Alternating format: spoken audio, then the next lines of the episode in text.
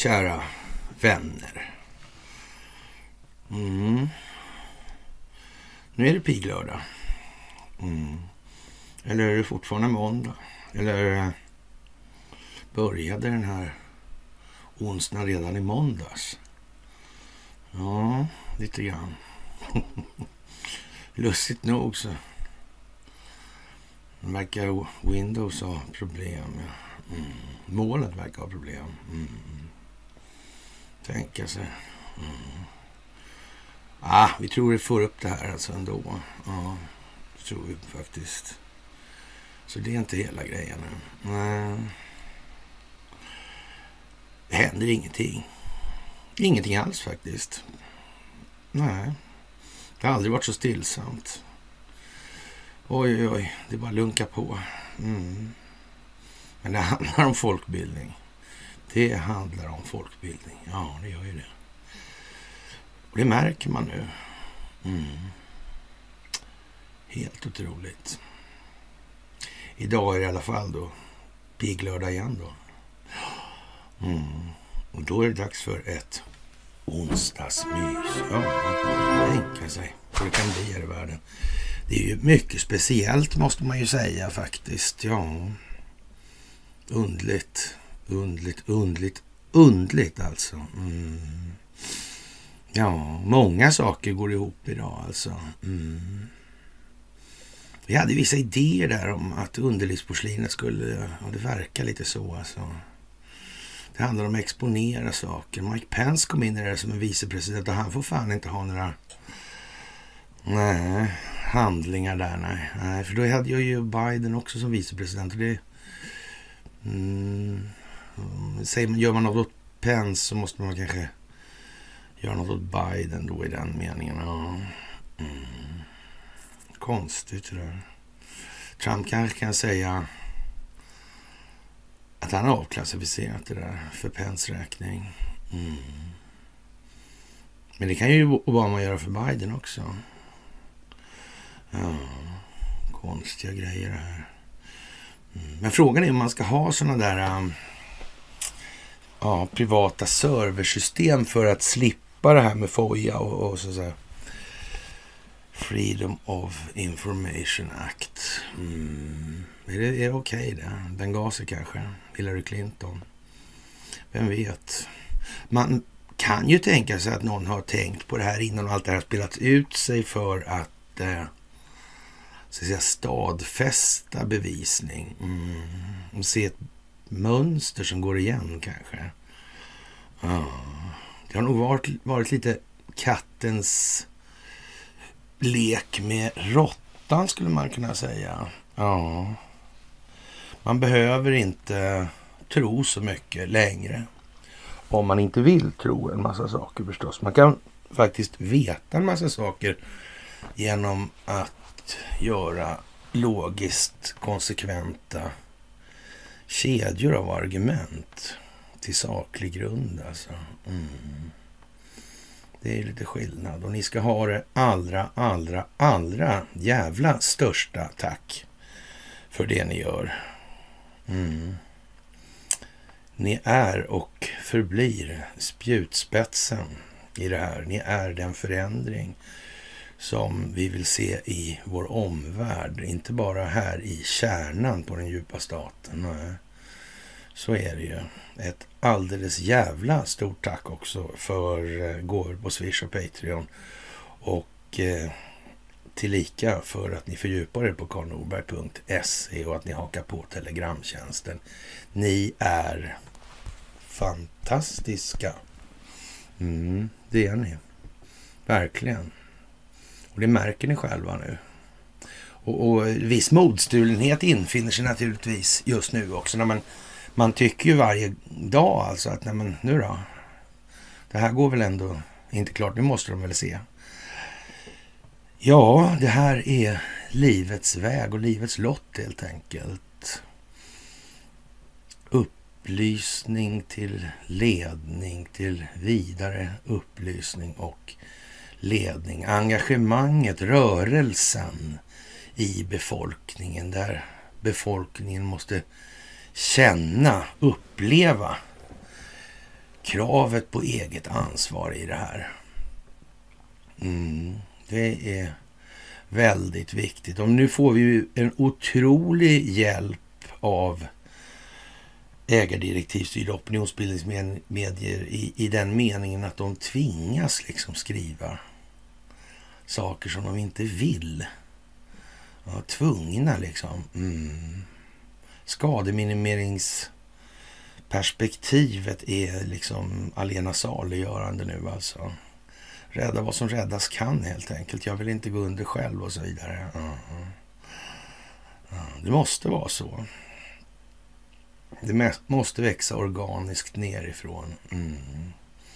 Och, och, man kan inte göra som man gjorde på den här eh, läkarkongressen. Där sitta och säga att man får inte kritisera den kontrollerade oppositionen. Vad är det för dumheter? Mm. Och, och, en del sitter med Hirdman, den här före detta ambassadören i Ryssland, han som hade hänglås på skafferiet för att inte personalen skulle stjäla mat. Mm. Tänka sig, ja. Mm. Det måste vara många som anar oråd som känner till sådana där saker och, och förstår att det här eh, håller på att ta en ände med förskräckelse. Ja, det är nog så faktiskt. Det är nog så. Ja. Och många av de här institutionerna här i det här landet är ju Stockholmsbyråkratiska ja, in i minsta cell alltså. Det är liksom skapat för att upprätthålla det här systemet med de här privata vinstmaximeringsintressena. Det är därför den här byråkratin finns. Alltså sen, ja, sen 1500-talet i princip har det här varit när kanslisvenskan. Ja, vi kommer tillbaka till det om en stund sådär. Och det här eh, CIA-projektet, konstig grej också. Det här EU. -t och de har till och med eh, en egen domstol alltså. Och den här Europadomstolen kommer idag med domen mot Ryssland som 2014 sköt ner passagerarflygplanet MH17 över Ukraina, skriver BBC. De som inte alls är kopplade till det där Red Bee och så. Nej, precis. Alltså Vodafone i England köper ingen kärnteknologi av Ericsson i den meningen heller. Nej, det gör de inte. Så jag vet inte hur många kort det finns i den här leken som... Ja, konstigt alltså. Mm. Det är som alla andra spelar med blanka kort på något vis. Och så gäller det ändå att ta stick och så får man börja. Ja, vad konstigt. Mm. Ja, jag vet inte. Det, det, är speciellt alltså.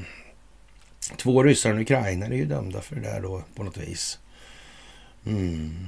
Vad var det här egentligen? Mm. Man kan säga att den här domen är väl... Eh, ja, inget starkare tecken på att eh, e EU-byråkratin går en ljus framtid till mötes. Det tror jag inte. Nej. nej. Konstigt alltså. Mm. Har vi sagt något om det där med EU? Har vi sagt någonting om NATO? Har vi sagt någonting om Israel till exempel? Ja, det har vi nog gjort faktiskt genom åren. Faktiskt, faktiskt, faktiskt. Mm.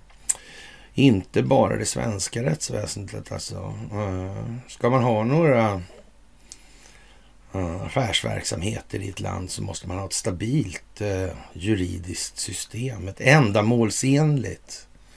Mm. Ändamålsenligt för vad? Undrar ju vän av ordning i den meningen. Ja. För vilka intressen? Syftet bakom det här, vad är det för någonting? Ja, vi får väl se helt enkelt. Banklagstiftningen, ja. Ministern nu, den nuvarande alltså, Wykman där, mm, för detta ung moderat. Mm. Han utesluter nu inte nytt utdelningsförbud för bankerna. Mm. Det låter lite märkligt, va? lite dramatiskt snudd på. En konstig vändning. En moderat. Ja. Så är det ju. Så är det ju. Ja, finansmarknadsminister igen. Alltså Niklas Wykman utesluter inte nya utdelningsförbud för banksektorn. Inför kommande aktieutdelningar efterlyser han bibehållen motståndskraft. Vi har ett exceptionellt läge i ekonomin. Vad kan han mena för någonting? Mm. Kan det vara skuldmättat?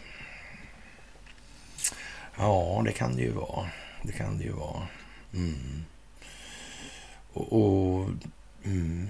vad gör man åt det liksom? Vi har ett överskuldsättningsproblem. Är det, ska vi göra mer skulder då kanske?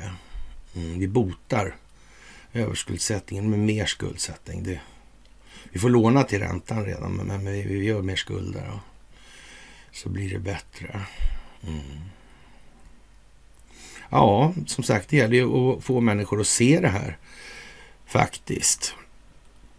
Är det här lagligt ens? Ja, man undrar ju egentligen om man tänker sig att enligt ockerlagstiftningen ska det finnas en proportionalitetsprincip till grunden för det här med hur man tar betalt för ränta alltså. Mm.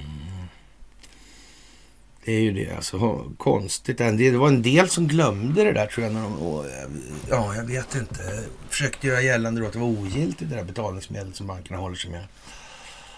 Ja, men att alternativyrkandet togs aldrig med då i form av insatsen för att skapa de här kronorna eller vad vi ska kalla dem för. Jag vet inte. Mm.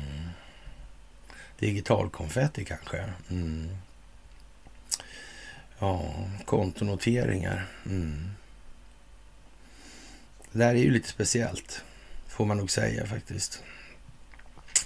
Och har man verkligen lagt ner lika mycket energi på så, som, och, och ja, som man tar ut i ränta, det har tagit så mycket arbete. Det kan man väl ändå inte påstå?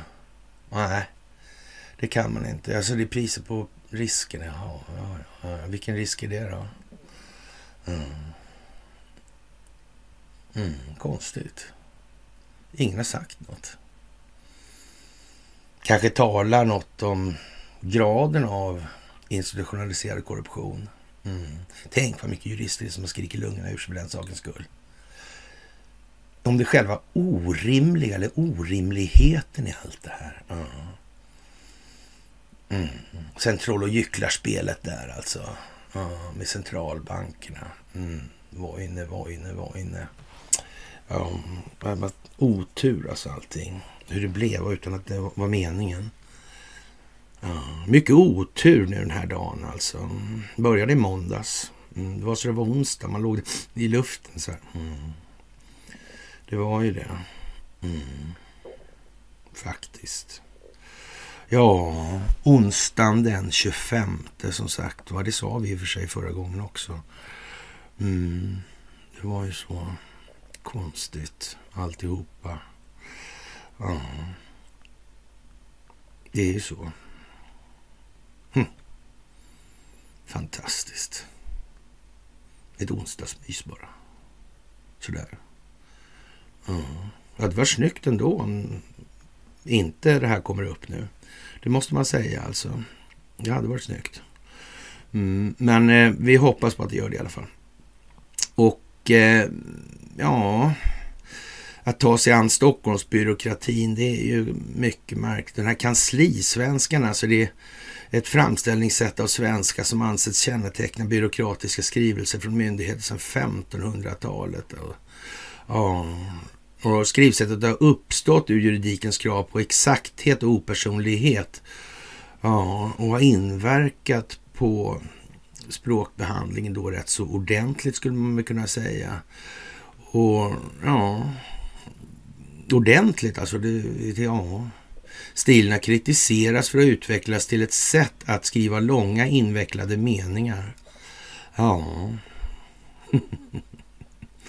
Kanslisvenskarna avvek från den enkla meningsbyggnaden i landskapslagarna. Och han Welander hade något med det att göra, för, för mig i alla fall. Mm, språkvårdens pappa under förra århundradet. Han var inte någon dålig språkvårdare alltså, eller mm, hjärntvättare kanske.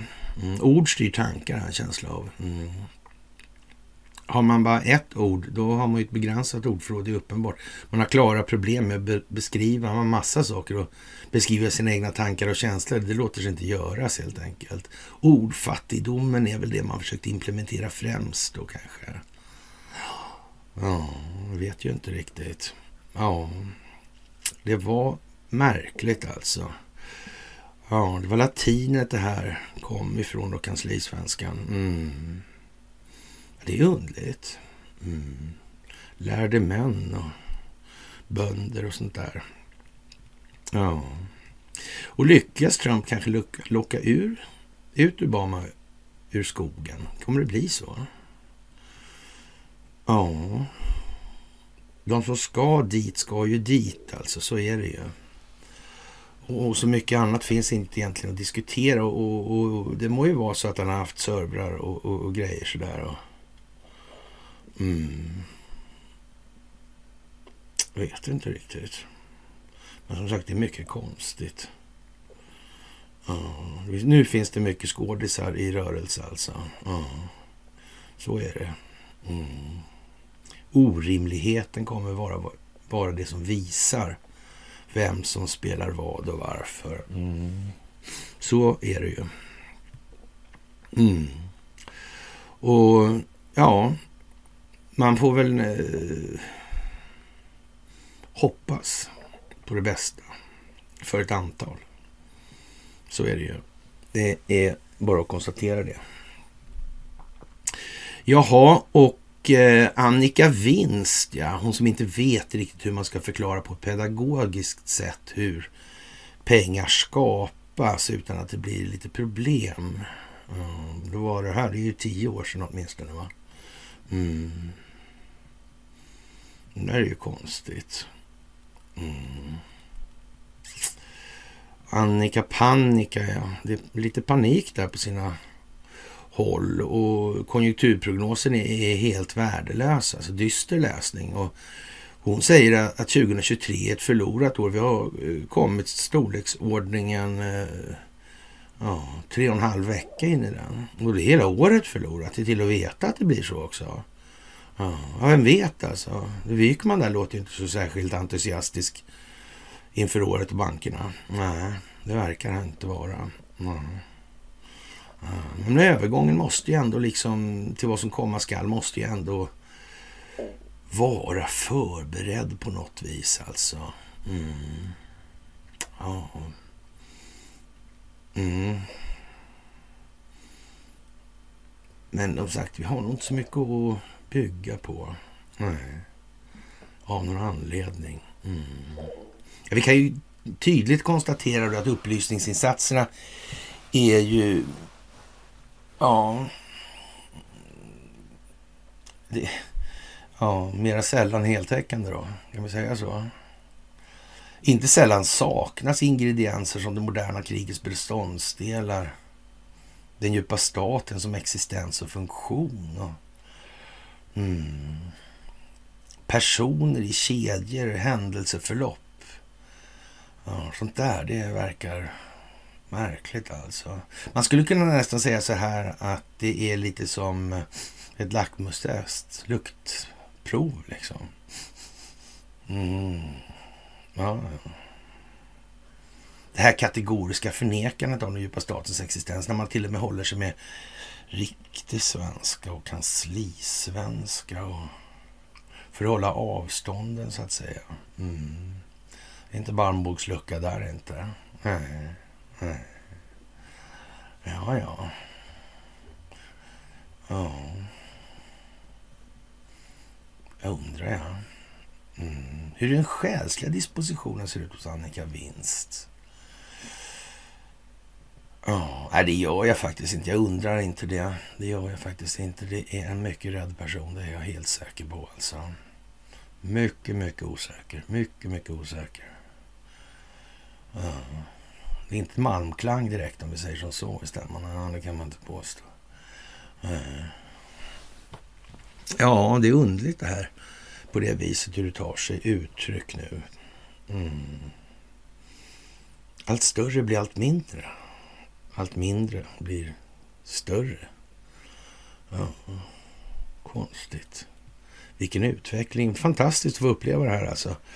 Ja, och eh, ja, pengar ja. Vad är det för någonting? Hur skapas de? Ja, det är många saker nu som så att säga träffar på varandra eller när gummit träffar asfalten och skapas momentum som vi brukar säga. Ja. Och tiden för det här med, med ja, fria vad ska vi säga, tiden för vilda västern är över, varnar Europeiska unionens kommissionär mm, Elon Musk. Ja, det där... Eh, mm. Ja, följer man inte EUs regler kommer han att möta sanktioner. Mm.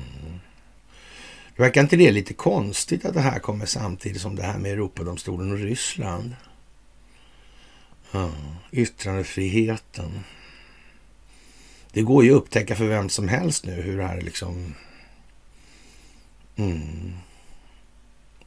Det är inte svårt alltså. Nej, det är det inte. Det är det absolut inte.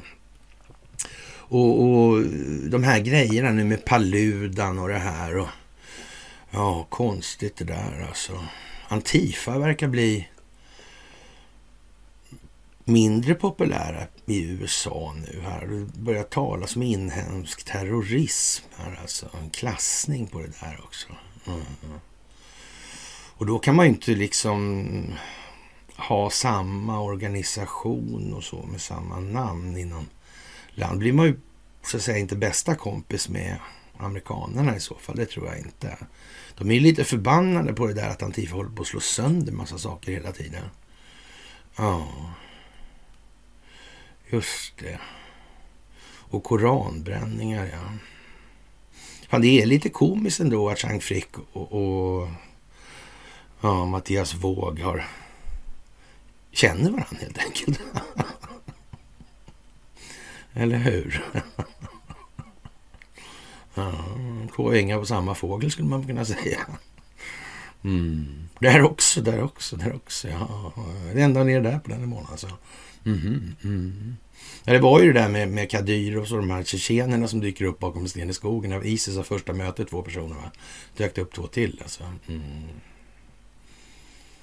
Och sen började de att träta de där två då. Och då, då tyckte de två från början då att den här jävla pålitlig liksom. Ja, sådär. Mm.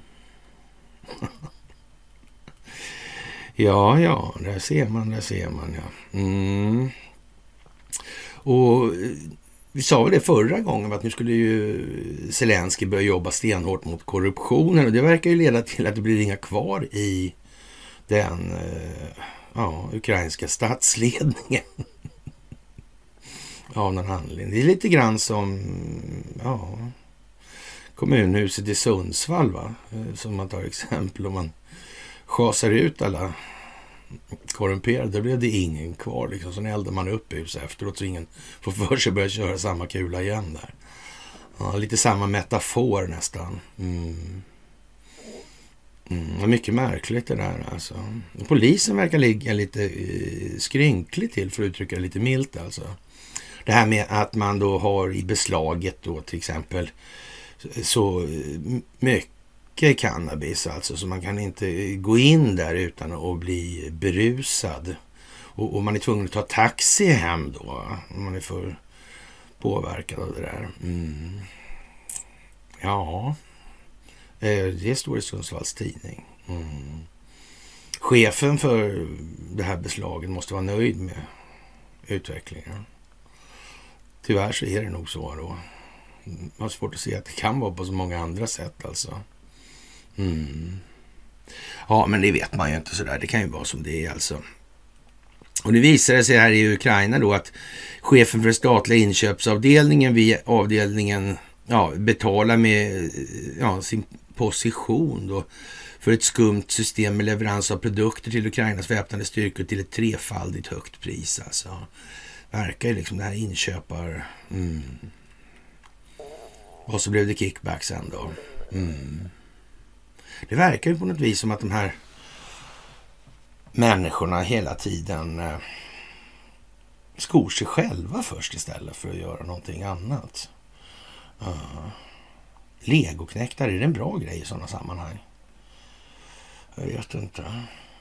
Om de här människorna får fingrarna på massa dyrbara vapen. Det finns inga möjligheter att man, eh, ja, så att säga, Räkna de här prylarna då istället. Skulle det kunna vara så? Ja, men, så då, då, men det borde man, borde man kunna räkna ut då. Att, att man kan inte ge folk massa sådär dyra saker och så har man liksom ingen uppföljning på vad det här, hur det här fungerar. Eller kanske man har rent utav. Nu alltså har man ju det. Den här gången. Mm. Ja, vad är det för någonting då? Mm. Det kanske är för att mäta vad de här tar vägen också. Ja, just det, till viss del. Mm. Ja, det är ju svårt att bära iväg en Leopard 2, det är det ju sådär.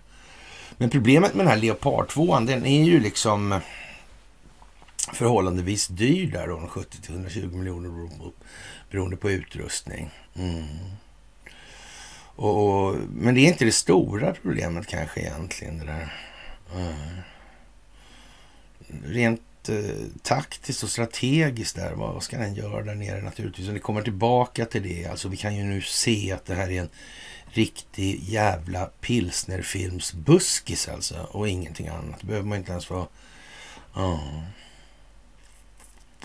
Det är inte så mycket att snacka om längre helt enkelt.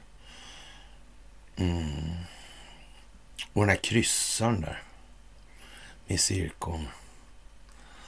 Systemen ombord. Ja, konstigt. Ja. Mm. Välvilligt av Ryssland att tala om vilka prestanda som gäller underlätta bekämpningen liksom. Mm. Ja, men så. Mm. Konstigt. Ja, vi får väl eh, se tiden an i den här delen. Och nu är det inte så mycket tid det handlar om att se an. Ja, men vi trodde nog att han skulle lyfts idag då den 25. Joe Biden. Och ja, Det beror ju på att det här tidsfönstret då för den här markoffensiven, den går alltså eh, storleksordningen då, ja, med angående siktförhållanden så går den någonstans från den 21 januari till den 6 februari. Så det är inte sådär skitmycket kvar att spela på heller. Va? Men visst, det trummas upp fortfarande sådär och det här med Mike Pence skulle in i ekvationen också. Så det var ja, ganska rätt men ändå inte rätt. Det var inte riktigt färdigt än alltså. Nej. Det tar lite mer mm, inkrom i ja, kalkonen. Så kan vi säga. Så enkelt kan man uttrycka det också. Ja, ja korrupta individer ja blir osams och golar ner varandra istället. Mm. Ja, undrar om de ska få stil på Ukraina då? Men vi har ju sagt det en massa gånger sedan. det måste bli någon form av internationell förvaltning där. Ja. Och de som eh, är benägna att ta ansvar, det kommer vara de som drabbas av att det inte blir så bra alltså i Ukraina som det måste bli. Mm. Vilka skulle det kunna vara? Närliggande är nog ett ganska hett tips i de sammanhangen. Det tror jag faktiskt. Mm, närheten, den geografiska närheten kan vara en grej alltså. Mm. Och då kan man inte ha liksom hur fattigt och dåligt som helst, för då börjar folk röra på sig i alla fall. Det är ju så. Mm. Men det är som sagt bättre att hjälpa dem på platsen. Mm. För risken är ju annars att de här migrationsrörelserna används. Oh. Och Ramzan, Ramzan Kadyrov, han är nog rätt trött på att hålla på och infiltrera oh politiska rörelser och migrationsrörelser och sådär. Jag tror han är trött på det nu. Ja. Det tror jag faktiskt. Jag tror han är jättetrött på det. Mm. Han är jättetrött på Sverige verkar det som också, speciellt på svenska politiker. Mm. Det kommer vi ihåg från i måndags. Ja, Försäkringskassan har byggt ett alldeles nytt betalningssystem för elstödet. Mm. Vi har lyckats skapa detta på oerhört kort tid. En annan bra sak är att systemet kommer kunna användas inte bara för nästa utbetalning av elstöd, utan även för andra slags krisstöd om det skulle behövas i framtiden, säger Försäkringskassans generaldirektör Nils Öberg i ett pressmeddelande. Konstigt. Konstigt. Mm. Men i så fall måste man vara på något vis säker på då att inte bara så att säga eh, transmitter sändardelen alltså. Mm. Funkar. Mm. Mottagardelen måste funka också. Mm. Har staten ett eget kontosystem, en egen betalningsinfrastruktur? Nej, den har ju inte det. Skulle man kunna säga att det är någon form av kritisk infrastrukturell angelägenhet för att samhället ska fungera? Mm, det kan man säga. Tänk att inte fler i alternativrörelsen är intresserade av sådana saker. Det är märkligt, kan man tycka. Borde inte det vara viktigt? Mm. Ja, men då kan man ju säga så här då. Nej, men det är så liten del. Det är bara, ekonomi är ju bara 15 procent av det moderna kriget då, som beståndsdel betraktad. Då. Mm. Och så kan man ju faktiskt tänka som man säger då. Mm. Mm. Men, ja. Men då pratar man väl hela tiden om geopolitiken istället då. Och, ja.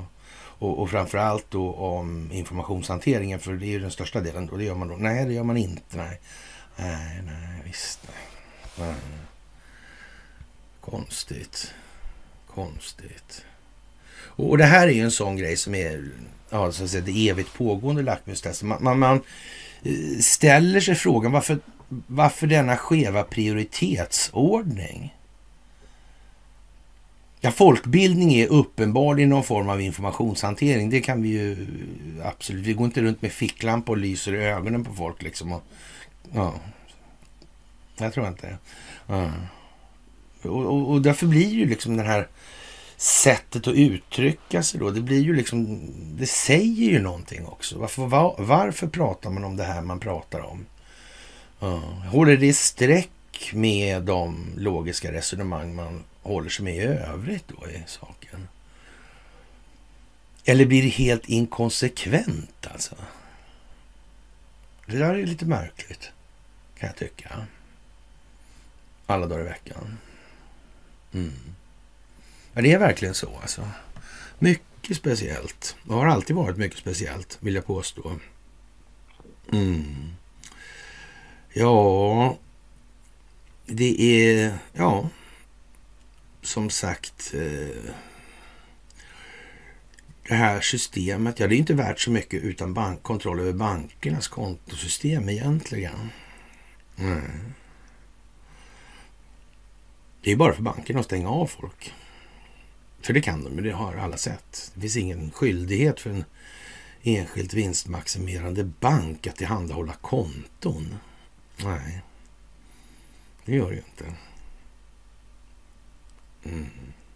Kanske staten borde ha kontroll på det där. Kanske det. Det vore bäst. Ja, vi får väl se hur det blir. Ja. Och turen är kommen till Göteborg, eller oturen kanske snarare faktiskt. Och Paggan dyker upp igen alltså. Ja. Märkligt alltså. Han har varit generalkonsul i eh, New York. Är inte det ett näste så säger det där, eller konsulatet där. Det är ju speciellt alltså. Ja. Mm. Det är sådär alltså. Den tidigare ministern och generalkonsuln Leif Pagrotsky nomineras till ordförande för det viktiga destinationsbolaget i Göteborg. Ja, det där är mycket speciellt alltså. Mm. Ja, ja, ja, ja. Han har varit eh, statsråd i Göran Perssons regering. Ja. Han är uppfödd i, uppväxt i Björkekärr i Göteborg. Goa gubbars sinnelag känner han till. Mm. Vet han var liken är begravda? Kan det vara så? Mm, det kan det ju vara. Det kan det ju vara. Finns det sånt? Den goa gubbars anda tror jag vi har pratat om någon gång. Jag vet inte om den behöver beskrivas så mycket mer egentligen. Jag tror det är färdigsnackat i den ändan. Mm. Faktiskt, ja. Som sagt, 96 till 2006 var han statsråd i Perssons regeringar. Mm. Han kan lite där också, va? Mm. Kan ju vara så. Nu kan någon ha tänkt till ordentligt. Mm. Nu kan någon ha tänkt till ordentligt. Ja, så är det ju faktiskt. Och man kan ju inte bara bullra in så här. Det går inte. Mm. Det måste exponeras över tid alltså. Mm. Eller ska de släppa det här helt kanske? Mm. Låta det skita sig inför öppen ridå? Ja, det är väl inte omöjligt alltså. Det är väl inte omöjligt. Det är ju trots allt så upp till befolkningen när den väljer att resa sig. Så är det ju också. Mm. Så ja, frågan är var någonstans vi befinner oss på den tidsaxeln. Helt enkelt. Mm. Grattis eh, Göteborg. Ja, det vet man ju inte riktigt. Det vet man ju faktiskt inte riktigt nu. Och vi får väl se vad som kommer att utgöra vidare bakgrund för opinionsbildningen. Och det får vi göra med Brigitte Bonnesens dom idag också. Och det här är en första instansdom så det blir ju en överklagan givetvis från ändra parten. Alltså. Det tror det vara helt givet alltså. Mm. Det oh, torde vara helt givet. Och det är många som tycker olika saker. och som sagt, mycket står på spel. Alltså, man ska alltså tänka på var på tidsaxeln det här befinner sig då. Då kan man ju minnas en sån här grej som att det var Bill Browder som anmälde Swedbank och han är ju liksom inte, ja, har inte direkt framställts som någon sådär äh, uh, helseriös typ alltså. Nej. Nej, just det. Och hon har varit i kontakt med amerikanska justitiedepartementet. Mm. Mm. De där som har kontroll över och utgör överrock till Ericsson, ja. Just det. Mm. Ja, det där är ju konstigt. Kan det hänga ihop det här nu, tro? Ja, Stockholms tingsrätt ska alltså meddela dom då mot Brigitte Bonnesen och hon har eh, redan förlorat jobbet och fått sin mångmiljonfall skärm indragen. Nu ska skuldfrågan också avgöras rättsligt alltså. Och hon nekar då och man skulle väl kunna säga att, eh, att hon har samarbetat med ja, amerikanska justitiedepartementet och SEC då. Mm. Det är ju redan så att säga utrett, det behöver vi inte diskutera om. Frågan är hur mycket hon har samarbetat. Frågan är väl eh, när hon tillsattes där, eh, vad det gick ut på egentligen. Vad handlade det om? Mm. Skulle det kunna vara så att hon liksom planterades in där med ett visst givet syfte. Mm. Är det här ett fönster? På något vis för någon part. Mm. Det skulle det kunna vara. De här pengarna, penningtvättspengarna, kanske, kanske de är någonting som i sin tur utgör del av någonting annat. Betalningar Fanns inte eh, Swedbank i Ukraina tidigare där också? Mm, men de gjorde väl det va? Tror jag. Göran Persson han hamnade där han var ju dessutom sån här, eh, ja vad var han? Han var eh, särskild ambassadör för eh, ekonomi och demokratiutveckling tillsammans med Carl Bildt och, och herr Eliasson där. Ja, Jan Kenneth. Mm. Ja, det var ju konstigt alltså. Hur skulle det där kunna vara upplagt? Alltså, men, eh, vad, vad, vad, skulle det kunna vara för någonting som kommer fram till det där då, tro? Mm, de här avklassificeringarna nu. Det gör ju gällande på något vis att Joe Biden sitter i skiten, precis som vi sa i, i eh, för, för onsdagen då i förrgår. Mm. Det där, konstigt. Ja, ja, den här Burisma där. Ja, det verkar precis som att Hunter Biden har varit rätt så mycket inblandad i massa saker, i, inte minst ur ett geopolitiskt perspektiv. Och det verkar som Joe Biden har tjänat pengar på det här också. Ja. Det vill man inte ha utrett tror jag på något vis. Nej, det vill man ju inte. Från den djupa statens sida alltså, inte Demokratiska partiet heller. Nej. Ukraina har väl eh, Ja, så har inte gått tillbaka lite pengar. De har skickat dit pengar via kongressen då för att få tillbaka dem i demokratiska gåvor. Mm. ENC. Mm. Hillary Clinton, ja. Mm. Seth Rich, ja. Mm. Kan det vara den här John Durham? Som är liksom... Eh, ja, det har varit väldigt tyst. Han säger ju inte så mycket. Han har gjort två fönster som visserligen har växt ordentligt. Men, men, men ändå. Ja. Det verkar precis som man väntar på någonting. Mm, någonting i omgivningen. Det är nog inte så att han inte har liksom det han ska ha. Möjligtvis kanske i den, ur den, eller i den bemärkelsen att han inte har den rättsliga grunden att ha det han har riktigt. Det, så kan det ju ha varit också. Mm, men nu har han det. Helt säkert. Ja. Skiter en sån som John Durham i den här rättegången, de här, ja, så att säga, allegaten eller verifikationerna på den här penningtvätten. Gör han det? Det kanske inte sitter ihop. Mm. Vi råkar vara världens eller jordens mest Clinton Soros lojala land. Bara råkar. Mm. Han skiter nog inte i det när man tänker efter lite grann sådär. Jag tror inte det. Det gör jag inte. Ja, Clinton ja. Mm. Postkodlotteriet ja. Mm. Lundinfamiljen. Ja. Ja, man vet ju inte. Han kanske skiter i det. Mm -hmm. Mutor i dollar. Man vet ju inte. SEC kanske skiter i det också. Mm. Kanske har gjort det i alla fall. Mm. För länge sedan. Mm.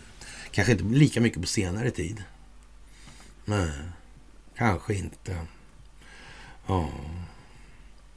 Ja, det här är ju anmärkningsvärt och en röd tråd genom hela det här ärendet att det är unikt, då säger Louise Brown, korruptionsrevisor med ett förflutet på Transparency International, numera på konsultbyrån FCG. Hon tror att en fällande dom kommer att bli vägvisande och även påverka Sverige, hur Sverige uppfattas i ett eh, internationellt sammanhang. Ja, Sverige är nämligen inte så bra som många tror när det kommer till bekämpning av finansiell brottslighet och korruption. Säger hon det, säger hon det.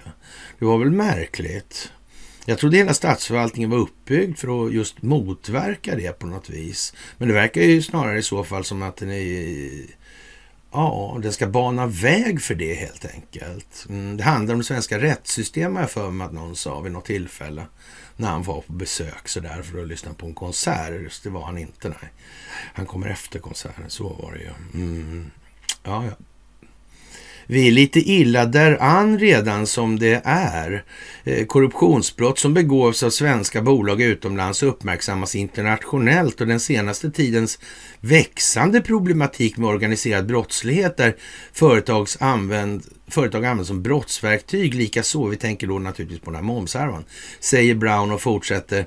Därför är det så värdefullt att man har ett robust förtroende och tillit till stora aktörer i samhället det kommer att färga av sig på hur man prioriterar i den här typen av frågor framgent, tror hon då. Fallet handlar i grunden om krishantering. Brigitte Bonnesen står åtalad för grovt svindleri efter att i intervjuer gett sken av att Swedbank inte hade några problem med penningtvätt, något som senare visade sig inte stämma.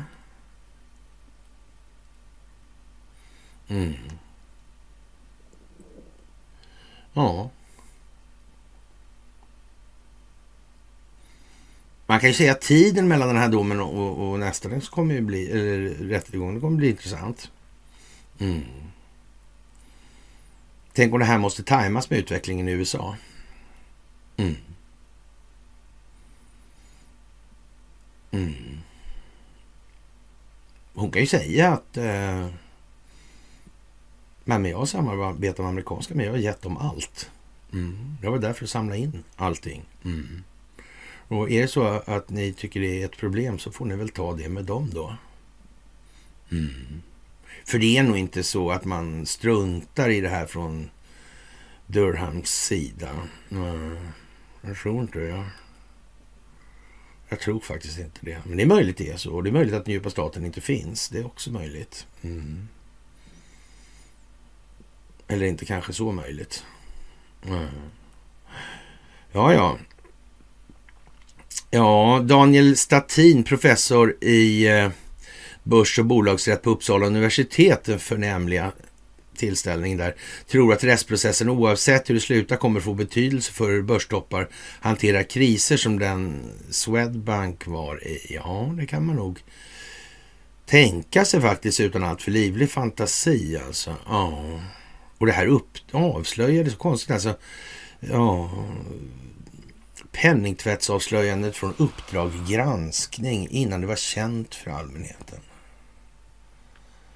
Ja. I dagens läge är det inte så många som ger så mycket för Janne Josefssons förehavande med avseende på vad som har avslöjats i övrigt i samhället. Man undrar ju liksom vad han har... Har han bara suttit och läst porrtidningar på jobbet egentligen och ja, hyrt in några statister och kört sitt race där? Ja. Ja, jag vet inte riktigt. Men, men eh, det blir något annat alltså. Ja. Eh, man, man kommer att bli försiktigare i uttalanden då, i, som bolagsföreträdare menar man här då. Och, och ja, eh, man kan väl eh, nästan eh, säga att det här med eh, den här typen av stora ekonomiska mål är svåra för domstolen att hantera. Det är komplexa skeenden. Det är svårt att klargöra vem som visste vad i vilket läge. Hur det som hänt påverkat börskursen eller företagets värde och liknande.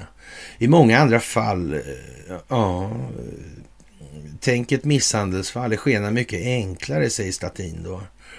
Ja, svåra ärenden säger Brown också alltså och menar att den kommande domen är oerhört betydelsefull. Det är oerhört svårt att få en fällande dom i Sverige mm, och det skickar en signal. Det är stora utmaningar att få kompetenta resurser för utredning och det tar ofta lång tid. Vi sitter liksom i en rävsax där vi ja, inte ligger så himla bra till internationellt. Vad är det hon säger för någonting? Det är inte, är inte Sverige hon pratar om väl? Och, och, samtidigt eh, inte får det att bli bättre heller. Det blir bara värre.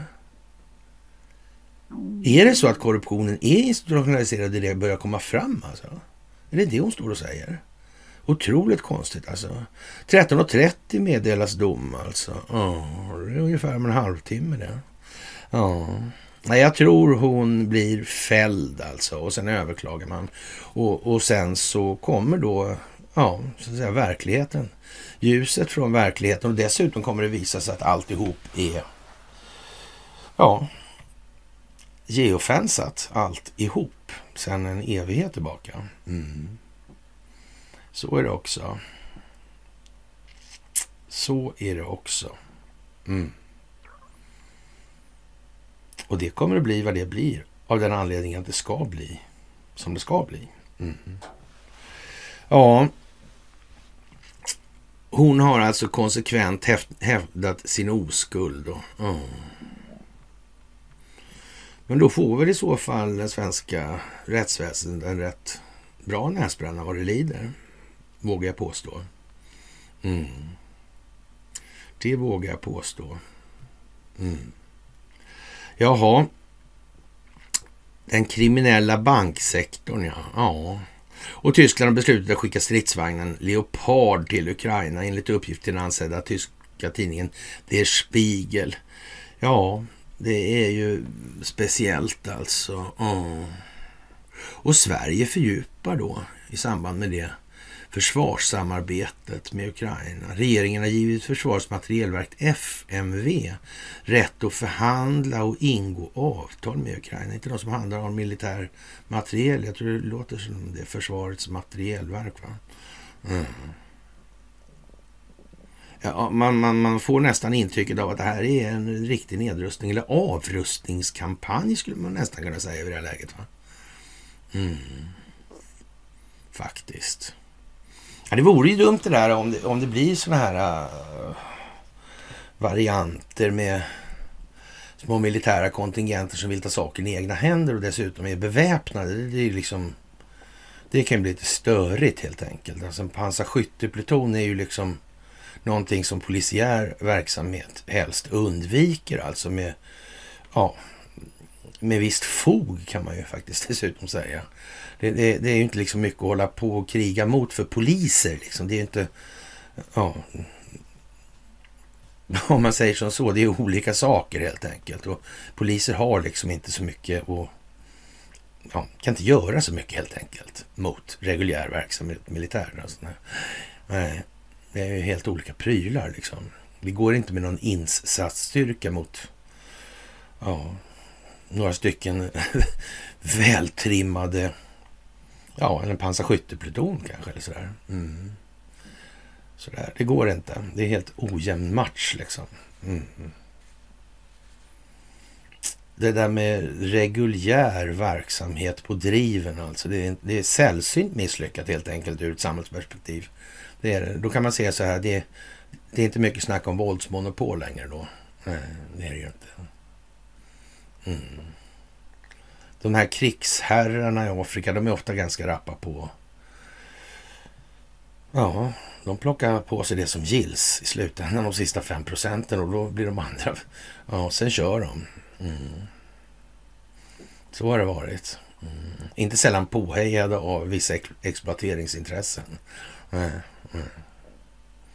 Det är ju det. Det är ju det. Mm. Ja, och som sagt, eh, Sverige fördjupar det här då nu. Ja. Med hjälp av stridsvagnar från bland annat Tyskland, USA och Storbritannien kan Ukraina skifta fokus i kriget tycker man i Svenska Dagbladet, skapa rörligare enheter. En amerikan som tycker det här för att kommer jag ihåg. En ny mekaniserad offensiv skulle kunna vara speciellt gångbar i södra delen eh, av landet. Det skulle innebära att man ger upp det, det här utnötningskriget kring staden Bachmut där striderna i stort sett står stilla ett halvår. Enligt CNN är det vad amerikansk underrättelsetjänst har lagt fram som förslag. Mm. Ja, men det verkar ju klokt.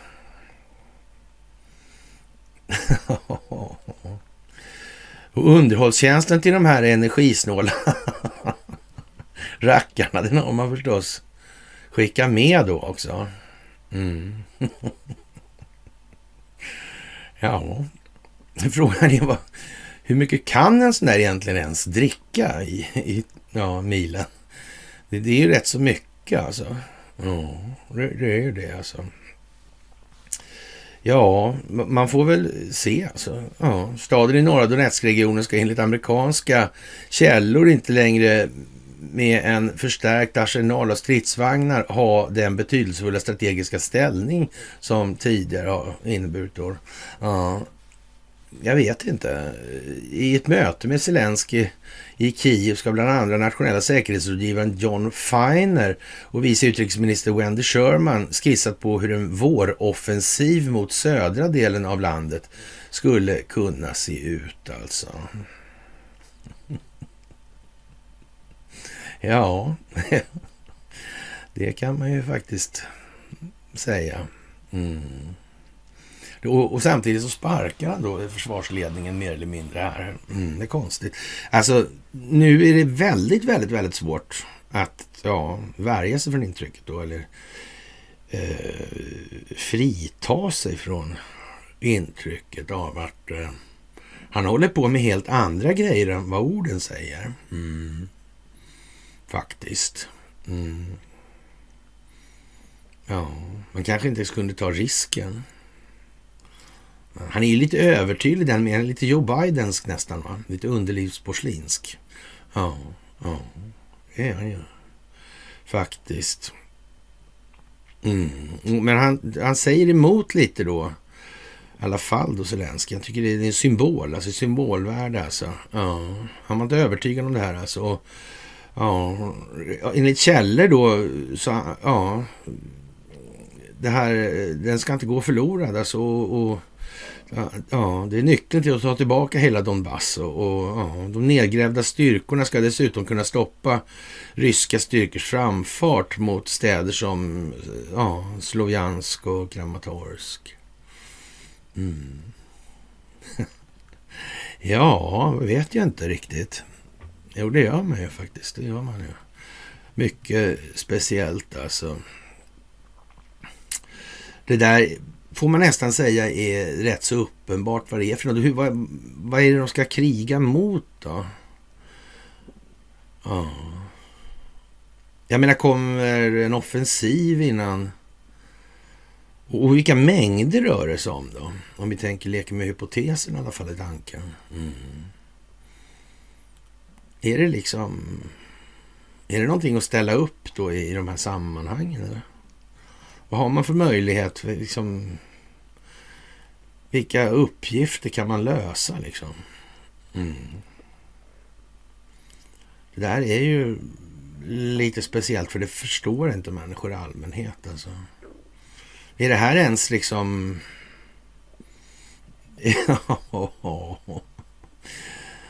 ja.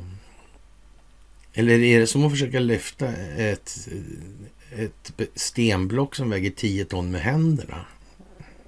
Det är lika lönlöst liksom. Mm. Man får ju tänka lite där alltså. Det får man fan göra. Det är mycket speciellt det också, det kan jag ju säga. Och den här avrustning, avrustningsivern tar verkligen fart då. Och, och, flera länder tycker nu att eh, ja, Sverige öppnar ju för det också naturligtvis. Den kan bli aktuell i ett senare skede. Alltså. Det är inte uteslutet att Sverige skickar den här Leopard 2 alltså. Mm. Det kanske är speciellt alltså. Mm. Men det känns ju mest som att det är en fråga om att den där ska inte finnas tillgängliga för intern verksamhet här hemma när det blir en massa besvikna militärer som helt plötsligt får lära sig att allting de trodde om allting här i världen, inklusive, eller inte minst ska jag säga, Ryssland och Vladimir Putin visar sig eh, stämma verkligen illa med verkligheten. Mm, det kommer inte vara någon lätt grej att smälta och då kanske man inte ska ha då, eh, alltså säga några större militära resurser till sitt förfogande när man befinner sig i den frustrationen. Det känns ju inte som någon jättebra idé i vart fall. Faktiskt. Och om man eh, tror att det är en förestående invasion, då får man ju tro det då. Men, men eh, som sagt, det är ju, inte ens de egna experterna säger ju att det är det. Om vi, vi ska bli invaderade av Ryssland. Vi tror rätt mycket på någon skrämgrej, alltså det gör vi faktiskt. Vi hoppas lite grann på det, det behövs. Det, det duger inte att hålla på som jag gör, alltså med, med det här med ett 17 spänn för dieseln och, och, sådär. Berätta om Ivar Ja, lite mer måste det vara. Det måste vara en påtaglig upplevelse. Alltså. Ja, men en cirkonmissil som man skjuter över Skandinavien kommer ju, eller Skandinavien kommer ju naturligtvis skapa en del oro hos befolkningen. Det räcker ju så egentligen. Den kan gå tom alltså. Det är bäraren som går så där fort alltså. Mm. Sådär alltså. Speciellt. Mm. Och så kan man ju skicka en torped någonstans. Den kan också gå tom. Mm. Faktiskt. Ja, som sagt, det blir bara bättre. Mm. Och man kan ju bli lite orolig när man läser en del kommentarer faktiskt. För, men ofta är det ju troll numera. Så det, ja, vad är fredsförhandlingarna? Jag vet inte om det här handlar om det här kriget eller om det handlar om folkbildning. Vad kan det vara?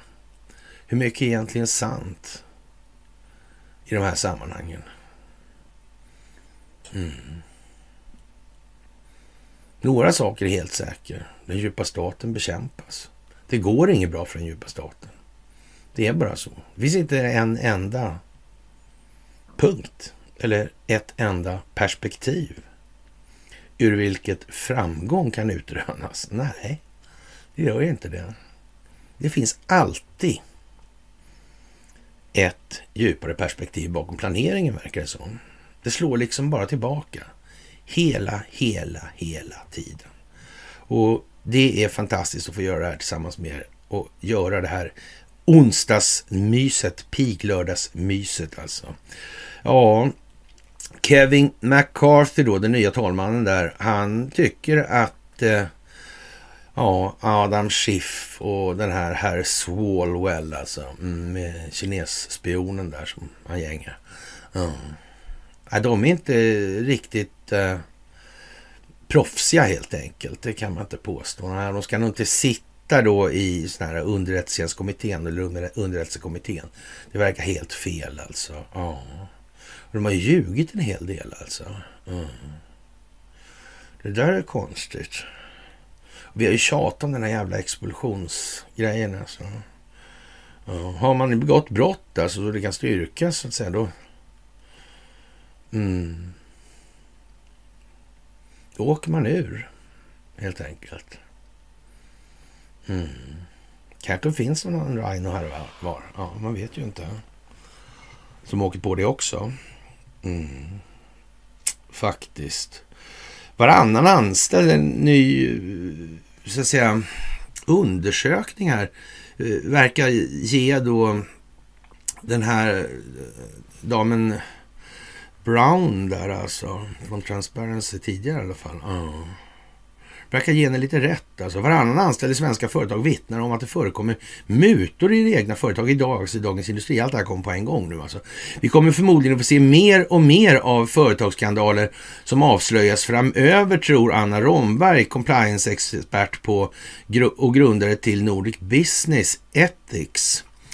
Ja, det låter ju inte otroligt. Alltså. Det finns överallt, konstaterar Anna Romberg och syftar på oetiskt beteende i näringslivet. Märkligt nog alltså eftersom det bygger på enskild vinstmaximering och det är bara en fråga om tid innan det här oetiska kommer fram. Alltså. Därför är det så viktigt att inte förenkla frågor och tänka att det är sånt som finns i bolag som Telia och Ericsson då. Ja, det är de små då som gör bara småmygel. Alltså. Det finns inte hos oss.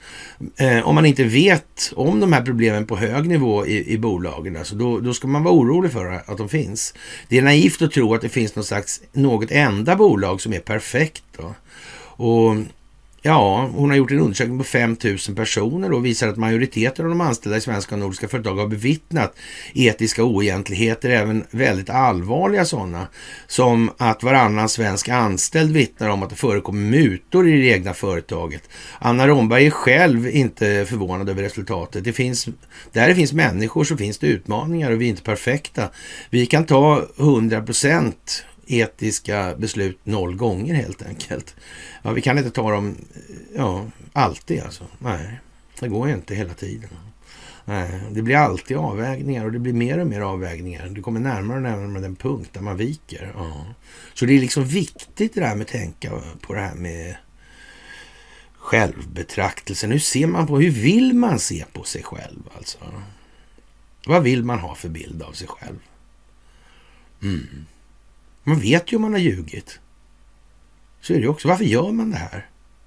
Vad har man för syfte? Egentligen. Ens. Det är ju det. Ja. Och 50 procent alltså av alla anställda i svenska företag besvarar studier säger, nej, säger alltså att de under det senaste året åtminstone en gång i det egna företaget observerar att det har getts, betts eller tagits emot muter. Lika många, hälften av de anställda har observerat sexuella trakasserier och 58 procent har observerat stölder inom företaget. Och hela 66 procent diskriminering och mobbning. Det är bara några av resultaten i studien alltså. Och Ja, vi har fått flera frågor om vår data verkligen är korrekt, säger Anna Romberg. Och om det är uppseendeväckande siffrorna. Jag vet inte om det är så jävla uppseendeväckande egentligen. Är det kanske så att vi har gått på en myt om att det inte är sådär? Va? Att medierna har valt att förmedla en bild, en optik, så, som beskriver någonting helt annat än verkligheten. Ah. Kan det vara så att rättssystemet har varit ägnat, syftat till att bevara det här? Hur kan det komma sig att de mest korrupta eh, verkar ha blivit störst? Borde inte de ha eliminerade för länge sedan då? När de kom liksom i mål med det. Det måste vara en oerhörd liksom... Ja, vilken bekämpningsinsats mot korruption. De har till och med blivit världsledande och globala. Alltså, så svenskt helt enkelt. Så Stockholmsbyråkratiskt. Vad kan det här någonsin ens vara för någonting annat? Svaret är ingenting. Det kan bara vara så. Det är rötan i sin yttersta potens på den här planeten.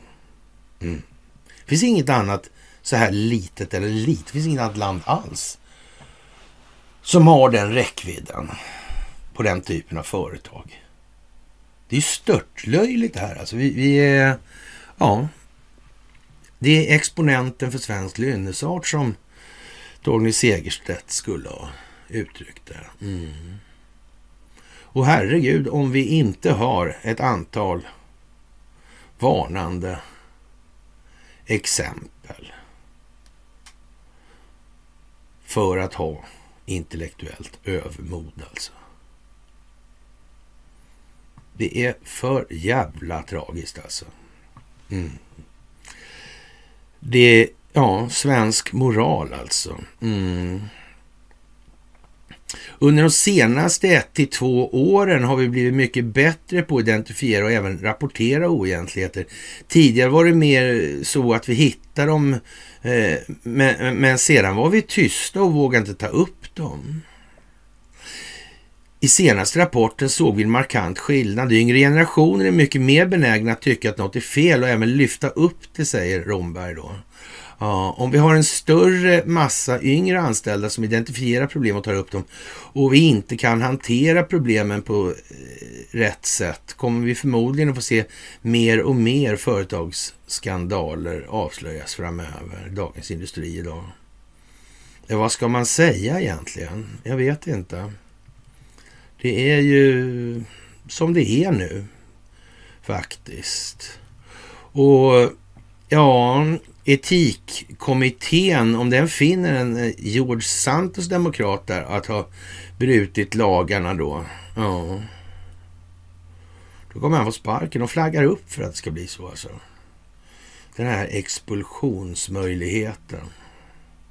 Jag tänker om de har avlyssnat alla de där hela tiden och de har begått brott, då åker de ut allihopa. Det blir knappt något kvar. Mm, vad konstigt. Mm. Undrar om paniken sprider sig. Undrar hur lång tid det är kvar till Joe Biden blir krasslig i skallen. Mm. Man kan ju säga så här att han kan ju ha fått en, det erbjudandet tidigare så att säga. Mm. Så kan det ju vara naturligtvis. Mm. Ja, Kokainet flödar i Norrbotten och ja, unga som 13-åringar då testar. Otur. Mm.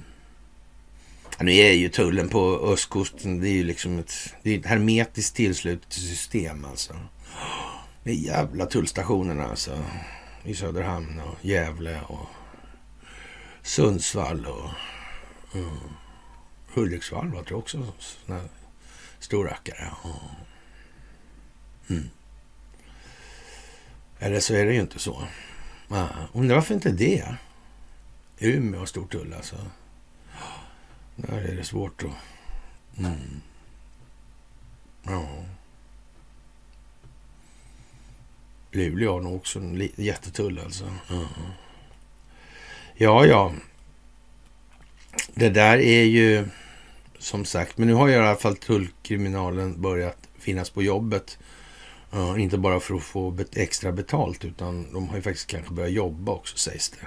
Mm. Tänk att det är så just i Sverige. Eller rättare sagt också, mm, ska jag väl säga. Ja, och de avgår på löpande band i Ukraina. Mm. Styrketecken naturligtvis. Ett styrketecken. Jag tror vi är bättre vi skickar dit mer vapen. Vi finns snart inga människor där, men vi kan skicka dit vapen ändå. Ryssarna har ju lovat att förstöra. De har ju lovat att stå för destruktionen. Mm. Men de kanske är ordhålliga, man vet ju inte. Äh. Mm. Ja, faktiskt mycket speciellt. Alltså. Morgan Johanssons fru åtalas för dataintrång mot Säpo. Det är ju lite speciellt ändå alltså. Mm. Faktiskt. Hon måste jobba ju där. Mm. Faktiskt alltså. Mm. De verkar vilja veta massa saker, folk i svängarna. Eh, konstigt alltså. Ja.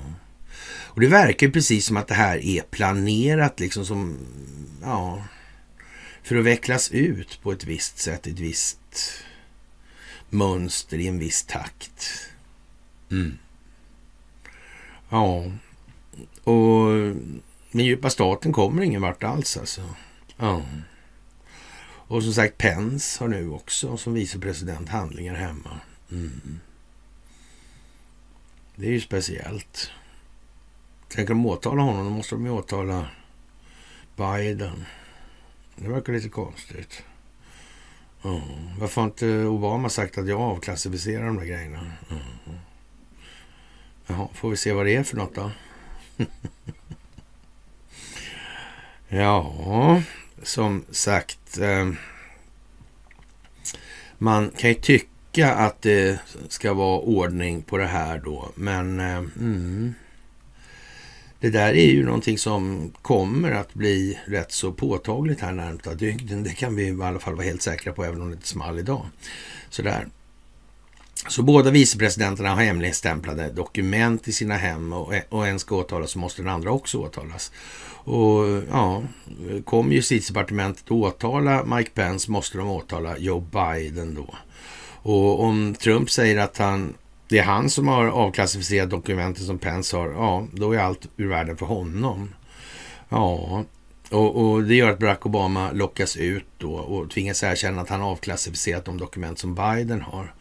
Och ja, de handlar om Joe Biden och Hunter Biden och Hillary Clinton, Barack Obama, George Soros och så vidare och så vidare och så vidare. Och ja, då kan de offentliggöras, ja. Mm.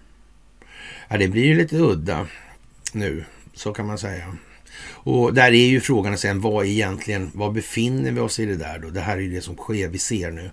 Så, men eh, det har ju redan skett så tillvida. Och ja, mycket speciellt alltså. Och, och det här med, med avklassificeringen och, och ja. Och så finns det en exekutivorder 13526. Oh. En som Barack Obama skrev. Mm. Fantastiskt alltså. Mm. Och den innebär ju i princip att man sitter på all information nu. Mm. Så är det ju. Och det är ju någonting som säkert John Durham har användning av rättsligt. Mm. Och det sitter ihop med bonusen. Var så säkra. Var så säkra alltså. Mm. Ja, spännande det där med Swedbank i Ukraina också såklart. Det är det ju. Och, och det här med de dokument som man har jagat genom att göra razzia då hemma hos Trump. Ja, det där är ju konstigt alltså. Mm. De kanske också avklassificerade redan.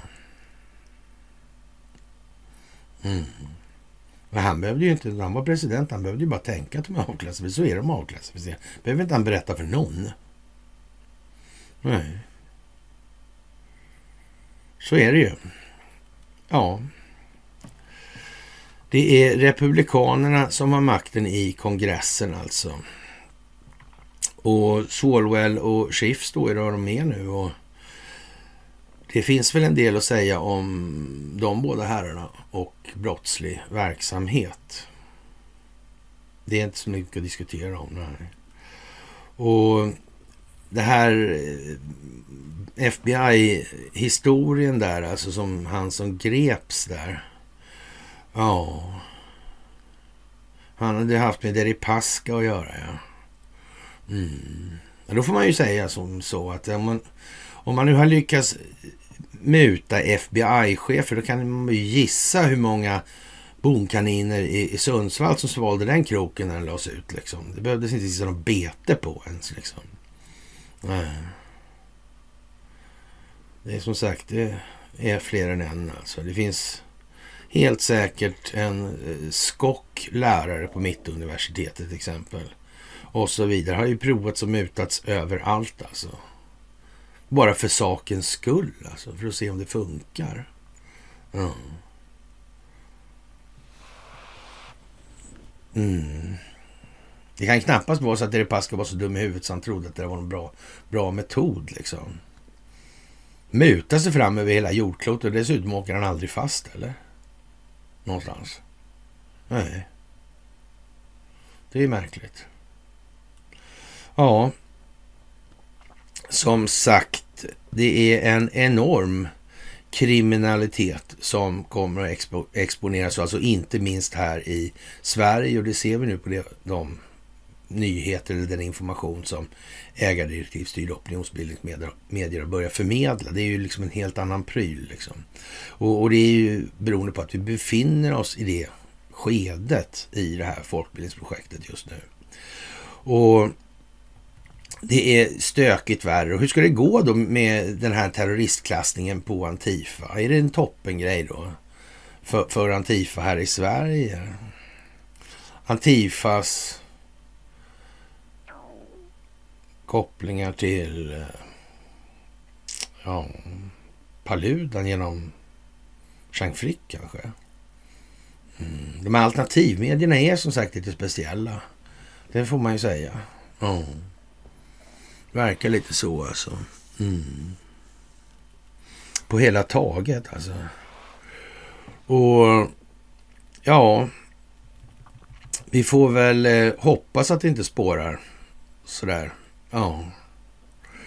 Och massskjutningar och såna udda flammor då, som vi brukar säga. Det, det är klart att enstaka dårar, det kommer vi inte komma undan. De kommer finnas kvar. Men då ska man i alla fall se till att de inte har en massa stora stridsvagnar och pansarskyttefordon och militära vapen att tillgå. Det är ju liksom helt givet. Det, det är bara så alltså. Utan de får väl hålla sig till det de kan ja, som sagt, det är ju personerna som är problemet, det är inte vapnen i och för sig då. Men, men om de nu så skulle det bli dåligt alltså. Mm. Det är helt säkert alltså. Och ja, i Tyskland så bestämmer man sig alltså snart för att, att skicka ett kompani leoparder alltså. Oh. Och det där är ju liksom... Mm de går ju liksom inte att hantera på... Ja. Det är klart att om man tänker sig att man lyckas köra en sån där på Drottninggatan under rusningen sådär, men ja, den, är ju ganska tung alltså, så det är inte säkert att det blir någon lyckad. Redan färden dit kan bli lite problematisk alltså. Med axeltryck och sånt. Alltså du kör inte den där överallt hur som helst alltså. En sån där. Mm. Det är ju liksom 50 ton plus på den där väger. alltså. Ja. Och ja, Ryssland håller ju på att falla och boten är döende och alla företag lämnar Ryssland och, och ja, de svenska gör ju det i alla fall, men det kanske beror på något annat än i övrigt, för det gör de inte i övrigt alltså. Faktiskt. Och ja, det är speciellt alltså. Mm. Och domedagsklockorna flyttas fram till 90 sekunder före 12 alltså. Mm. Ja, det är nog... Eh, mm, som sagt, något krig, det blir det inte. Nej. Och säga att Ukraina är i krig, det är nog mycket sagt nu. Mm. Det här handlar om något annat alltså. Mm. Så är det ju alltså. Och ja, sanningen är att 90 procent av alla företag från EU och även G7 är fortfarande kvar i Ryssland. Och de lämnar aldrig landet när ryska operationerna i Ukraina startade. Ja, det, det är konstigt alltså. Men svenskarna gjorde det. Ja, just. Svenskarna gjorde det. Inte de andra. Det är nog visst med Sverige ändå. I moralen tror jag. Ja. Och man undrar egentligen varför är de kvar i Ryssland om det är så dåligt. Varför är inte svenskarna kvar då? Om de vill de inte vara kvar. Ja, nej. De säger ju att de måste ta sitt ansvar liksom. Ja. Mm, ja, det kan ju vara så. Det kan ju vara så alltså. Ja. Ja, det, det är ju speciellt alltså. Så är det ju. Och, och, speciellt med Sverige skulle jag vilja påstå. Det är mycket speciellt alla saker faktiskt. Ja. Som sagt, och det här med valet i eh, USA, ja. Mm. Ja, det hänger kvar alltså. Det ger sig inte. Det blir, dessutom blir det mycket värre nu då. Det är massa sådana fusk som avslöjas nu. Mm. Det är också sådär konstigt ju. Ja. Ja. 40 000 eh, röstsedlar räknas olagligt 10 procent av underskrifterna granskarna. Alltså. Ja. Det, det är speciellt alltså. Mm. Och vad kan det bli av det här? Ja, det måste vara otur alltihopa alltså. Mm. Faktiskt alltså. Och som sagt det här, eh, ja, kryssaren där alltså. Ja, med Zirkonmissilen alltså. Talar man verkligen om då hur, hur prestandan är? Gör man det? Nej, det gör man inte naturligtvis. Och överraskningsmomentet är fortfarande en del av den militära verksamheten på sina håll. Eh, långt mer än vad medierna är. Mm. På sina håll alltså, inte i väst. Nej. Faktiskt. Och, och, det kanske man ska tänka på i det här läget också. Ja. Och, och Billström, han hävdar någonstans i oturs... Ja, villan eller oturstormen att koranbränning kan komma att drabba svenska exportföretag alltså. Jaså? Men det är nog inte planerat. Jag säger så här, vem som har betalat Paludan må ju vara eh, Chang Frick i, i, i, den delen. Men, men eh, ja, det tror jag han knappast kommit på själv om man inte är... Nej. Mm. Konstigt. Mm. Det är speciellt nu alltså. Så är det. Ja, mycket speciellt. Det är oturligt helt enkelt. För, för några i alla fall. Och som sagt, varannan anställd i Sverige vittnar om mutor i företaget i dagens juridik också för säkerhets skull. Det verkar ju gå ja, det är epidemiskt nästan och omfattande störningar för Microsoft idag, molnet och det här. Det är ju konstigt. Hur kan det bli så? Ja. Ja, hur kan det bli så? Hur kan det bli så? Mm. Svårt att nå fram till polisen på 114 14. Jag vet inte om det är rätt nummer. Alltså, ja, då kan det ju vara fel. Um, man kan ju tänka sig att man gör så nu också och skojar till det lite. Mm. Ja, jag tror det var 114. 114, men kanske inte var så. Mm. Stopp i pendeltågstrafiken, inställda avgångar i Gävle. Bussarna startar inte förseningar efter brinnande godståg nu. Mm. Ja, det verkar ju vara lite rörigt det här. Mm. Mm. Konstigt alltså. Och ja, finska ministern öppnar för NATO utan Sverige. Verkar inte konstigt med allt det här att det är ju liksom Sverige som hamnar utanför på något vis av någon anledning. Alltså, vad kan den anledningen vara för någonting? Är det vår, eh, ja, våra gedigna insatser av självbetraktelse genom historien så, så kan man ju uttrycka det som anmärkningsvärda insatser av självbetraktelse. Mm, befolkningsmässig självbetraktelse kanske. Mm. Kan ju möjligen vara det då. Faktiskt alltså. Mm. Finns en gräns för hur länge finländarna är beredda att vänta på det här då? då? Ja, det är ju... Mm. Vad kan hända? Ja, vad kommer att hända? Ja, och som sagt, eh, det här med Joe Biden och hans familj alltså. Det är ju som det är nu och nu finns det massa mejl och grejer ovanpå allt annat nu som är framme. Mm. Men det kanske kommer mer. Vem vet? Kanske det, kanske det, kanske det. Ja, det är ju så. Fantastiskt alltså. Och ja, man får väl eh, hoppas att det går utan allt för mycket mankemang och friktion här alltså. Mm.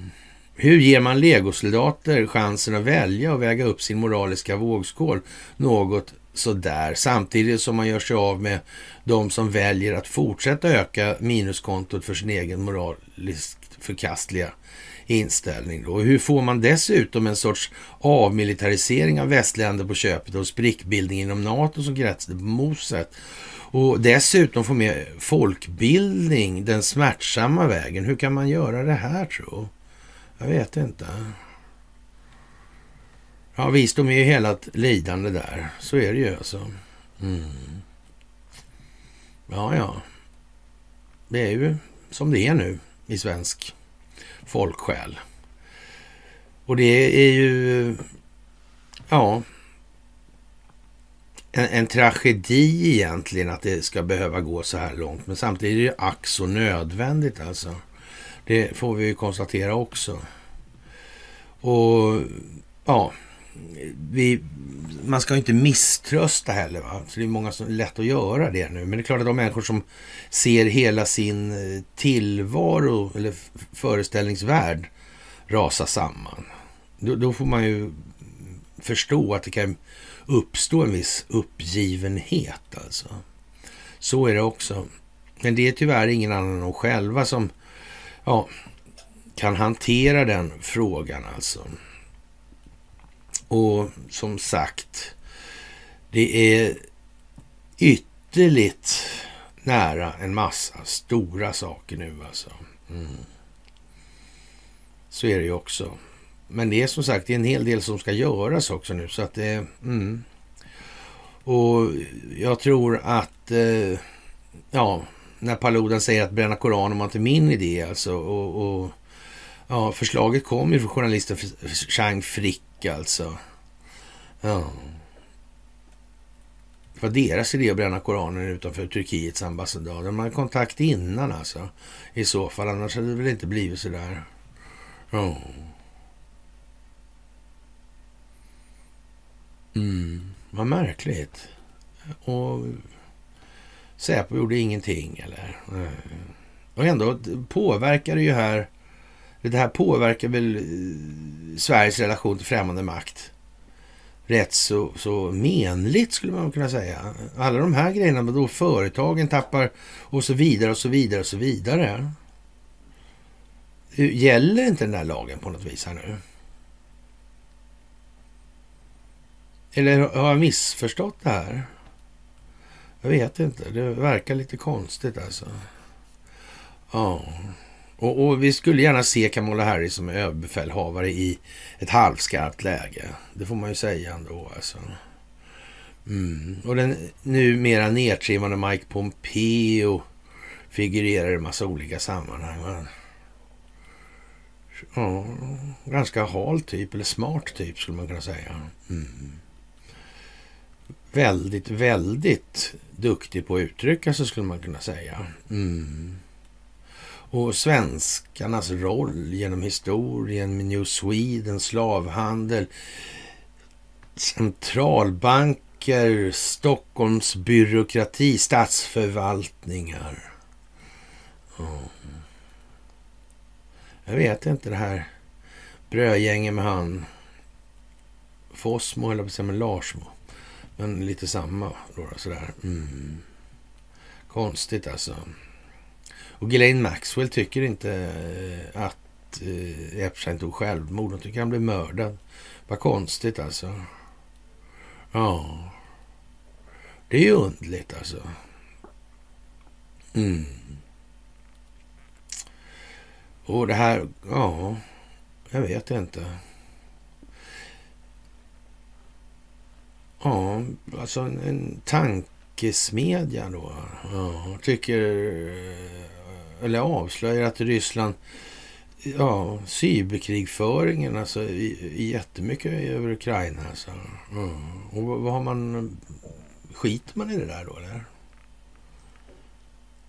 Mm. Men om det är så, hur kommer det sig att de ändå får hålla på och sladdra och snattra som de gör då? då?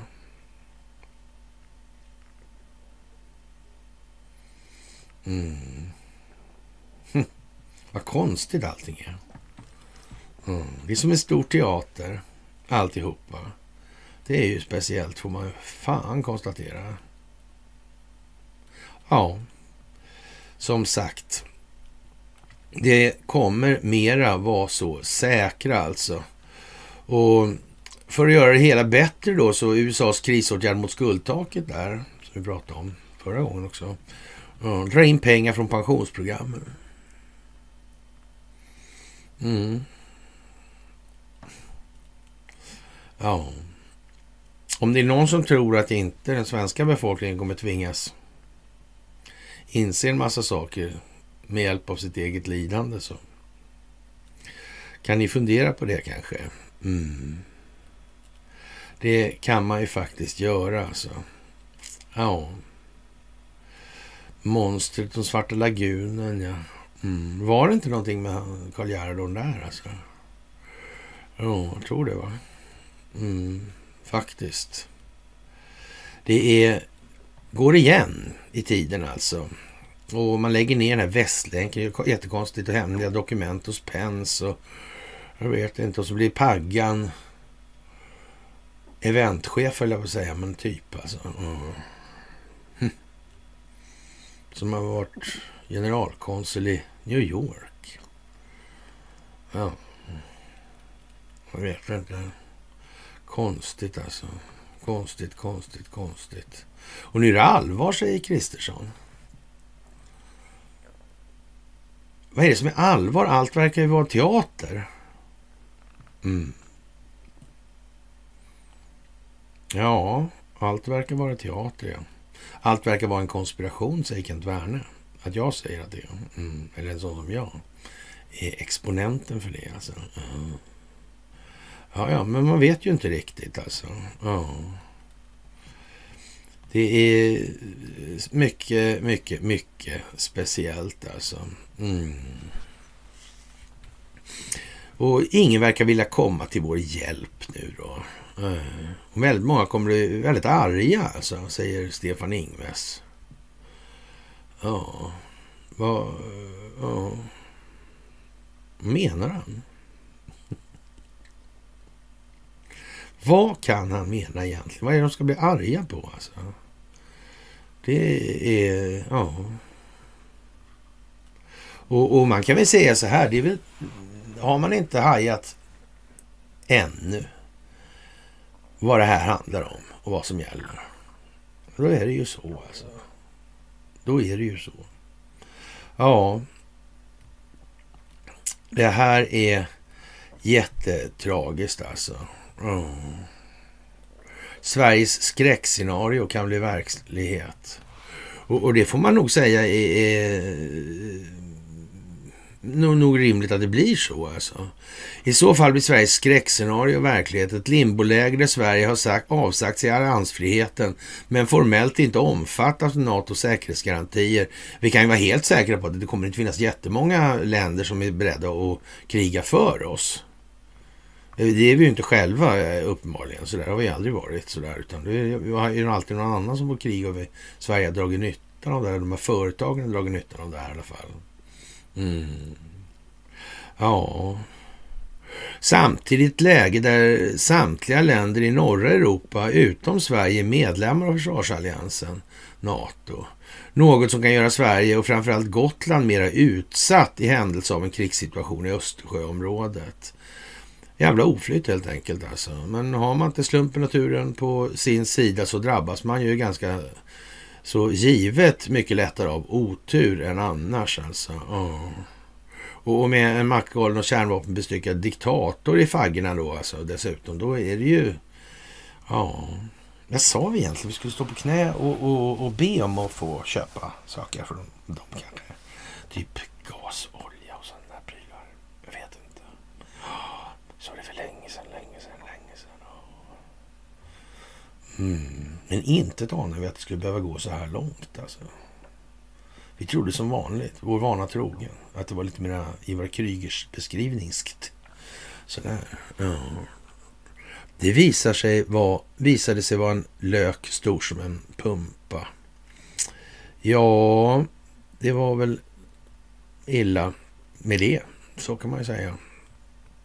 Och, men svensken har ju lärt sig tiga i all evighet. Och nu får grindvakterna alltså bedriva rivningsmotivering, precis som att detta är någonting som de nyligen har upptäckt har förändrats eh, och att de var tidiga med att upptäcka felen alltså.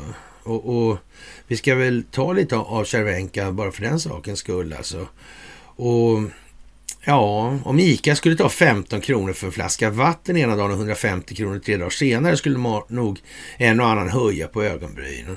Man behöver inte ha läst en enda poäng företagsekonomi för att förstå att en sån marknad måste ha spårat ur om det ens kan kallas för marknad. Ändå har den typen av extrema prisrörelser blivit vardag när det gäller elektricitet. Alltså det är den här prisbildningsmekanismen eller den här påsen liksom som är lite märklig. Vi har nämnt det vid ett tillfälle, minns jag speciellt alltså. Eller de kanske kommer ihåg det. Jag vet inte. Ja, så.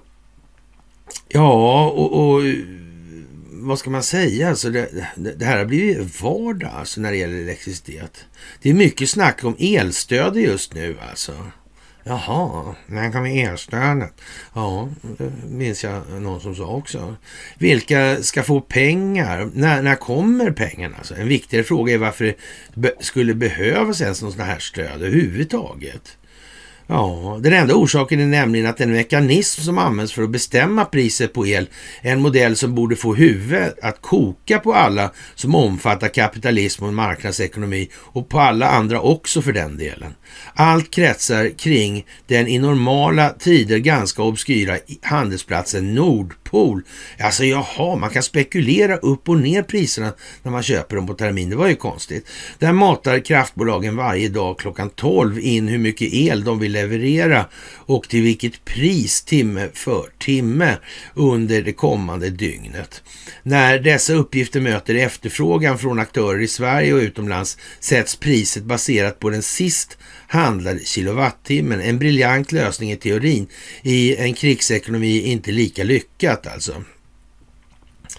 ja, systemet kan liknas vid att 99,99 procent av alla vattenflaskor i landet byter ägare för 15 kronor. Men eftersom en uttorkad maratonlöpare köpte en butelj för 150 på ICA nära i Allingsås precis före stängning gäller detta pris automatiskt för samtliga konsumenter i hela Sverige. Det, lätt, det leder till lätt av lätt insedda skäl till ja, groteska övervinster. Och lustigt nog så protesterar inte de här energibolagen och det är obegripligt. Eh, ja, eller det är det ju inte i och för sig, men man, man kan väl tänka sig att eh, det kommer att riktas upp helt enkelt sådär. Mm. Och, och det som det är. Alltså. Det är inte ovanligt att vattenkraft som kostat några tioöringar per kilowattimme att producera har sålt för 20 gånger den summan. Resultatet är en förmögenhetsöverföring på hundratals miljarder kronor från medborgarna till elindustrin. En eh, hel del av pengarna skeppas utomlands eftersom Fortum och E.ON har finska respektive tyska ägare. Denna marknad är dessutom vidöppen för manipulation. Alltså. Ja, handeln på Nordpol domineras av några få aktörer och att de genom sitt agerande kan påverka priset är något som Nordpol självt medgivit. Alltså. Mm. Incitamenten för eh, kraftjättar och de avdelningar på bolagen som sysslar med elhandel att utnyttja situationen är stora och uppenbara. Det är faktiskt svårt att förstå varför de skulle avstå. Det är så jävla enkelt. Kan det vara så att det är gjort för att så kanske? Ja, men då skulle ju någon ha sagt något. Mm. Kanske frågan är hur i helvete gick det till när man gick med på de här jävla dumheterna?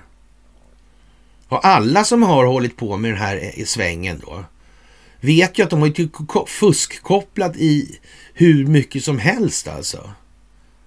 Och det vet man ju inte. Du får inte gå och pilla i de där jävla ledningarna och, och sånt i, i hyresfastigheter och så vidare. Och, mätarna är absolut inte manipulerade. Det skulle aldrig hända. De har ändå, ändå bara manipulerat annat, men det har de låtit bli att manipulera. Jag menar alltså, hallå? Ändå alltså. Ens. Ja, konstigt alltså. Ja, bilden kompliceras ytterligare av att staten, vars ansvar det är att stävja marknadsmissbruk, är en stor vinnare på miljardcirkusen kring elen via moms, avgifter till Svenska kraftnät.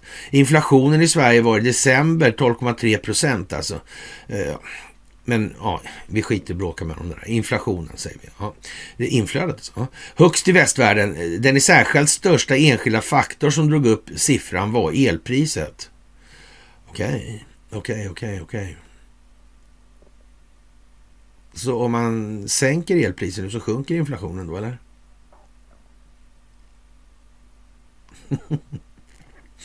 ja, men han hör inte ens hur dum han är liksom. Men, men ja, det är klart han gör, men alltså. Ja, ni fattar. Det påverkar också priset på en lång rad andra varor som exempelvis livsmedel, vilket i sin tur styr hur mycket Riksbanken måste höja räntan. Ja, ni, ni hör ju det här alltså. Eh, något som slår igenom på allt ifrån bostadspriser till antalet konkurser. Allt baserat på en dysfunktionell marknad. Om ni orkat läsa så här långt så har kanske många av er konstaterat att inget av det här är nytt alltså. Nej, svammel... Eh, uppbyggnaden är ju sig lik alltså, så kan man säga. Ja, problemet med prissättningen på el har förts fram länge, bland annat energiveteranen Bengt Ekenstierna har gjort en jävla Bengt-modell den här. Alltså som, ja, den handlar inte heller om pengar och vad pengar är om jag säger som så. Då, utan att lägga mig i hur han behandlar elen och så. Vara. Ja. Och han har lanserat en eh, ja, annan modell helt enkelt. Ja, energibranschen gillar inte det här och, och det är ju konstigt alltså. De vill inte ha det sämre alltså. Ja. Och andra har uh, framfört att det finns lagliga krav på det här. Jag tror den lagstiftande församlingen var gjord för att göra saker bättre för befolkningen. Men det kanske var fel alltså. De kanske var till för att göra det bättre för bolagen alltså. Mm, alltså vad så det var alltså. Jaha, det hade aldrig kunnat uppstå annars. Nej men vad konstigt. Tänk att ingen har sagt något. Ja, som sagt, eh, men vilken lösning som är bäst är inte det intressanta. Mest fascinerande är att inget har hänt, trots att problemen varit uppenbara så länge. Med stor möda, medan stor möda lagts på att hantera de kostsamma symptomen på elfiaskot har inget skett för att komma till rätta med problemet ändå. Alltså, kärnan alltså. Artificiellt uppdrivna priser. Ja, vad kan det bero på då egentligen? Det finns en, en sak så, som många politiker inte verkar förstå. För varje dag som går eroderas medborgarnas förtroende för den marknadsekonomi som samma politiker sålt in som en universallösning på alla samhällets problem. Mm, och det är konstigt.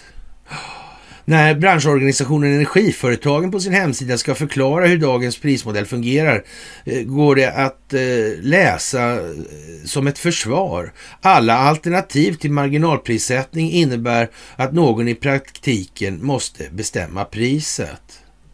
Ja, tanken är, är nog att läsaren ska inse det orimliga i ett sådant system alltså. Men det är ingen djärv gissning nu att en hel del svenskar som precis betalat sin livs dyraste elräkning istället undrar eh, när kan vi sätta igång? Ja, vad sägs om att sätta det där jävla elpriset politiskt då? Och varför ska Sverige överhuvudtaget eh, exportera el i det här sammanhanget? Vems ansvar är det? Vem är det som...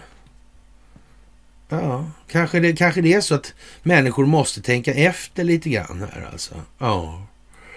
Mm. Specialavdelningen på NOA utreder eh, ålfiskarens ja, lögner helt enkelt. Mm. Det kanske är så. Man vet ju inte. Kanske han, PM har lite i bagaget där. Det här verkar vara lite mycket alltså. På så vis. För mycket väsen för lite ull helt enkelt. Ja, faktiskt alltså. Mm. Ja, det håller på att bli spännande alltså. Och ska hela Södertörns bli en visitationszon alltså? Ja, kan man ju fråga sig. Ja, det frågar man sig i Aftonbladet alltså. Ja är ju väldigt märkligt alltså. Mm. Ja, det är mycket märkligt och ambassaden i Ankara stängde häromdagen då, eller igår, på grund av protester alltså. Oh. Verkar som att det blir dåligt för Sverige hela tiden nu. Ja, vapen hittat vid E4. Polisen undersöker koppling till skjutningen i Fullerö alltså. Ja, kopplingar till Sundsvall och Stockholm. Ja. Det har inte Deripaska mutat till sig i alla fall. Det tror jag inte. Eh. Däremot så kan ju den geofensen som har bedrivits i samband med de här korrumperade människorna ha lett till både det ena och det andra. Det vet man ju inte. Nej. Det är ju så, ja. Mm. Det är ju så. Ja. Och som sagt, eh, mm, tidsaxlarna nu alltså. Mm, rättssystemets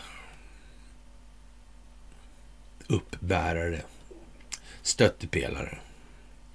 Är de gjorda i papier-maché på något vis? Och det regna, börjar regna från, och blåsa från sidan. Ja. Klarar de här att bära upp det här? Det ska ju landskap och lag byggas tror jag. Verkar väl lite sådär då, med energilagstiftningen, banklagstiftningen. Det finns ju massa så det här det verkar ju inte klokt alltså. Det händer ingenting. Nej, det gör ju inte det. Det är ju konstigt. Verkligen konstigt. Mm.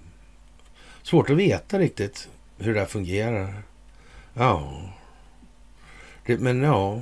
Lage Jonasson stämmer i alla fall Mangold på 99 miljoner då. Det är konstigt. Och, och, det är väl som är fönster och tidsaxlar i den saken också kan vi väl säga. Och man kan väl tillägga då att när Lage skrivit saker som att what comes around goes around. I en stämningsansökan så är det nog inte obetydligt mer än en bara blygsam antydan till vad som komma skall då, eller för att ja, använda hans eget uttryck då, en stillsam förfrågan alltså. Mm. Även om han uttrycker mera, numera uttrycker sig att han är katolik då. Mm -mm. Ja, ja, det är någon som har något trevligt att se fram emot. Alltså. Ja ett rättsligt umgänge med lager. Det är ju som sagt, det är... Ja, som sagt, jag tror att Ikea har med det där att göra vad det lider. Mm. Jag såg att Zlatan skulle bygga ett padelhall i det här läget. Ja, mm, undrar jag. Om det verkligen ska bli padelhall av den innan det där är klart. Ja. Mm. Det där är ju lite udda alltså. Ja. Som sagt. De är många som ska lära sig folkvett nu helt enkelt. Och KU säger att, eh, ja, alltså, ja, vi kanske skulle ha en konstitutionsdomstol också i det här. Det kan, alltså, man ska inte glömma bort det. Alltså, den här jävla lekstugan nu, det, det är vad det är alltså. Och, och det är av en anledning, så är det ju bara. Mm. Helt säkert alltså. Och eh, som en händelse då så, eh, vad ska man säga, en sån startsignal för att det var onsdag i måndags då, skulle man kunna säga, uttrycka det som. Det var just det här med att en demokrat från Delaware tänker introducera en, eh, ja, ett förslag då om att göra District of Columbia till en, mer av en delstat. Då. Mm. Det där är ett problem alltså för den amerikanska militären. Helt säkert alltså. Mm. Helt säkert. Det skulle han väl göra i går då tror jag. Mm. Och det hade ju medfört, och det kanske har medfört, det vet ju inte vi riktigt. Det är inte så att de tänker tala om när de gör det. Kommer, ja, det kommer man få läsa efteråt liksom. Det är ju någonstans i den här punkten som Donald Trump talade om. Den finns ju någonstans alltså. Punkten där, överraskningsmomentet återinförs i militär doktrin. Den finns någonstans. Alltså frågan är var den finns. Mm. Och eftersom eh, det är ju sådär lagom maxat och konstatera efteråt att där passerar den liksom. Ja, men måste man försöka. Ja, det vart inte idag. Eh, och, och det syntes redan i måndags. Nej, det vart inte så alltså. Eller också har det, det vet vi inte, men det är ju många saker nu som och, och, precis som i den här ryska offensiven i tiden och tidsaxeln där i förhållande till siktförhållandena. Mm. Det är vad det är liksom. Mm. Det är vad det är alltså. Och, och som sagt. Ryskt artilleri är vad det är också. Mm. Och stridsvagnar är vad det är. Mm. Så en våroffensiv, inte det, låter inte det lite konstigt? Jag trodde markbärigheten var en faktor i det där. Alltså, terräng, väder och sikt, ja. Ja, men det kanske inte är så. Det kanske spelar någon roll. Alltså. Men det var jävligt viktigt när ryssarna, då var det viktigt att det var tjäle. Ja. Men fram till våren där i leran och sörjan. Ja, ja, ja. ja. Mm. ja bättre att ha det glatt på hal is då i så fall. Än att gå i lera och sörja. Så kan man ju säga faktiskt. Och ja, svensken kommer att bli arg, men det handlar ju om pengar där. Det är ju bara det som kan få ja, svensken arg då. Mm. Och eh, ja, makten utgår från folket. Utgår, ja. Precis. Precis, ja. Det är ju så. Ja, vad ska man säga? Det är... Ja. Det där är upphör kanske. Eller har nått sitt slut. Hur i helvete kan det ens vara möjligt? Alltså man inte, det måste ju ändå finnas en viss intellektuell lättja hos rätt många jurister. Det måste det finnas alltså. Varför ens ha en sån formulering då? emanerar kanske skulle vara ett annat ord. Eller? Mm. Ja. Eller kanske en mera, så att säga... Ja. Konstmässig prosa. Mm. Som skapar eftertanke.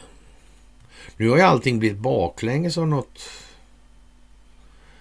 konstigt skäl. Mm. Som inte är konstigt alls alltså. Och idag kan ingen missa vad det här handlar om. Alla kan se det. Och ja, som sagt.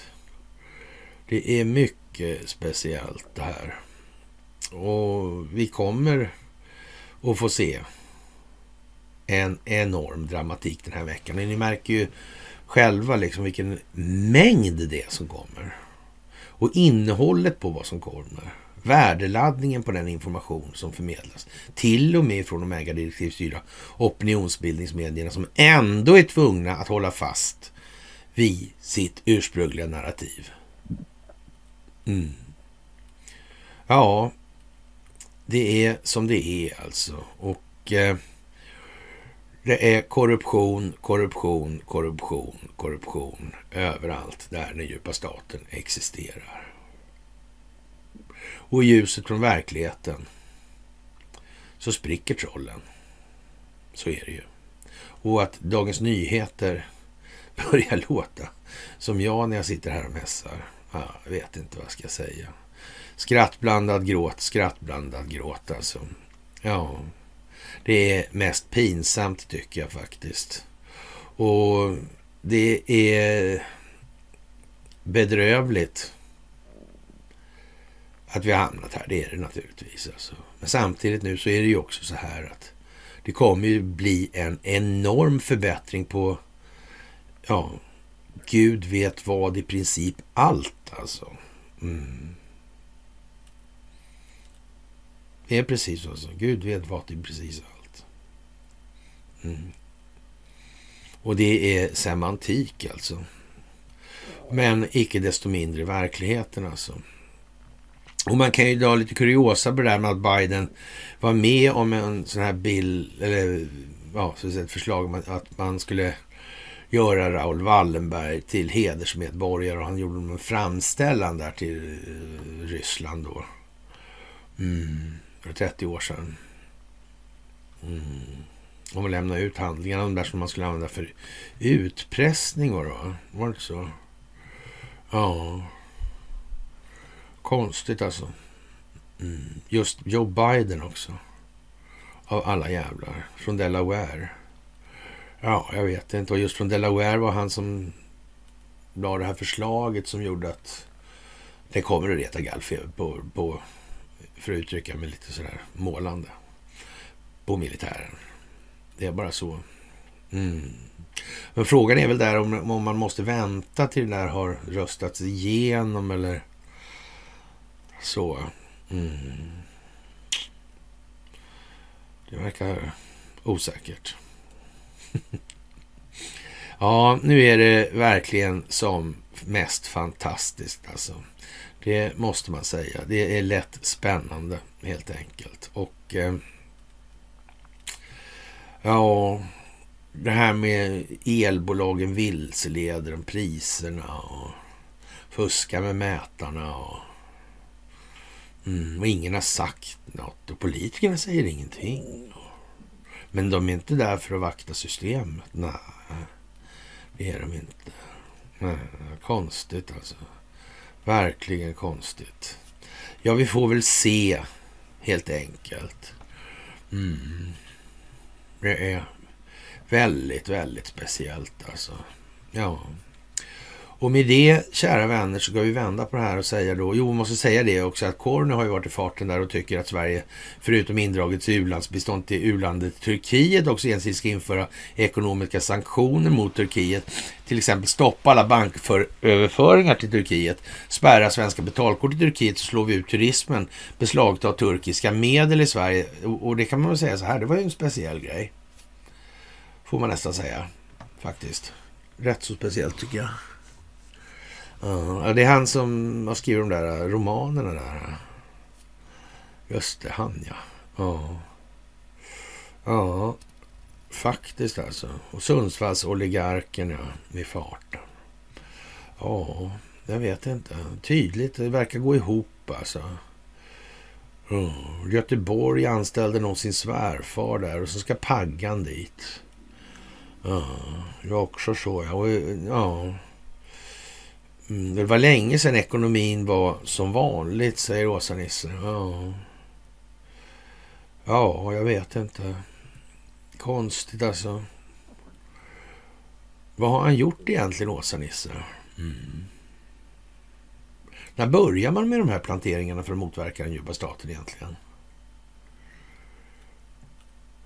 Mm. Ja. Är han så dum eller är han smart eller? Ja. The countdown is on heter Mike Pompeo. Han är lite smart sådär. Ja. Han är en bok va? Ja. One day. Ja. Never give an inch. Ja, i CV. Se till att ta istället. Mm. Mm, mycket märkligt. Och därmed var det slut på det här onsdagsmyset. Mm. Faktiskt. Så var det Det förlängda. Som någonstans här nu så kommer det här att bryta. Alltså. Mm. Så. Och bli väldigt mycket mer öppet. Så är det. Mm. Det har ju redan brutit så, men alltså det kommer synas mycket mer öppet. Mm. Det kan vara John Durham. Det kan det vara. Det kan det vara. Åsa-Nisse. Ja. Och så vidare. De vanliga medierna. Mm. Det kan vara Zelensky. Mm. Ja, Bondesens dom finns med i det här. Mm. Det verkar konstigt att hon blir friad alltså. Det tror inte jag på. Inte nu. Det tror jag inte på. Jag tror det blir mer dramatiskt. Men vi får se. Nu har de fått den här domen så det är inte mer med det. Det vet inte vi. Mm. Men eh, med det, kära vänner, så önskar jag en trevlig piglördagskväll så hörs vi då senast på fredag. Och eh, som sagt, eh, spännande tider. Det är jätteroligt att göra det här med Helt säkert. Helt jävla säkert. Trevlig kväll.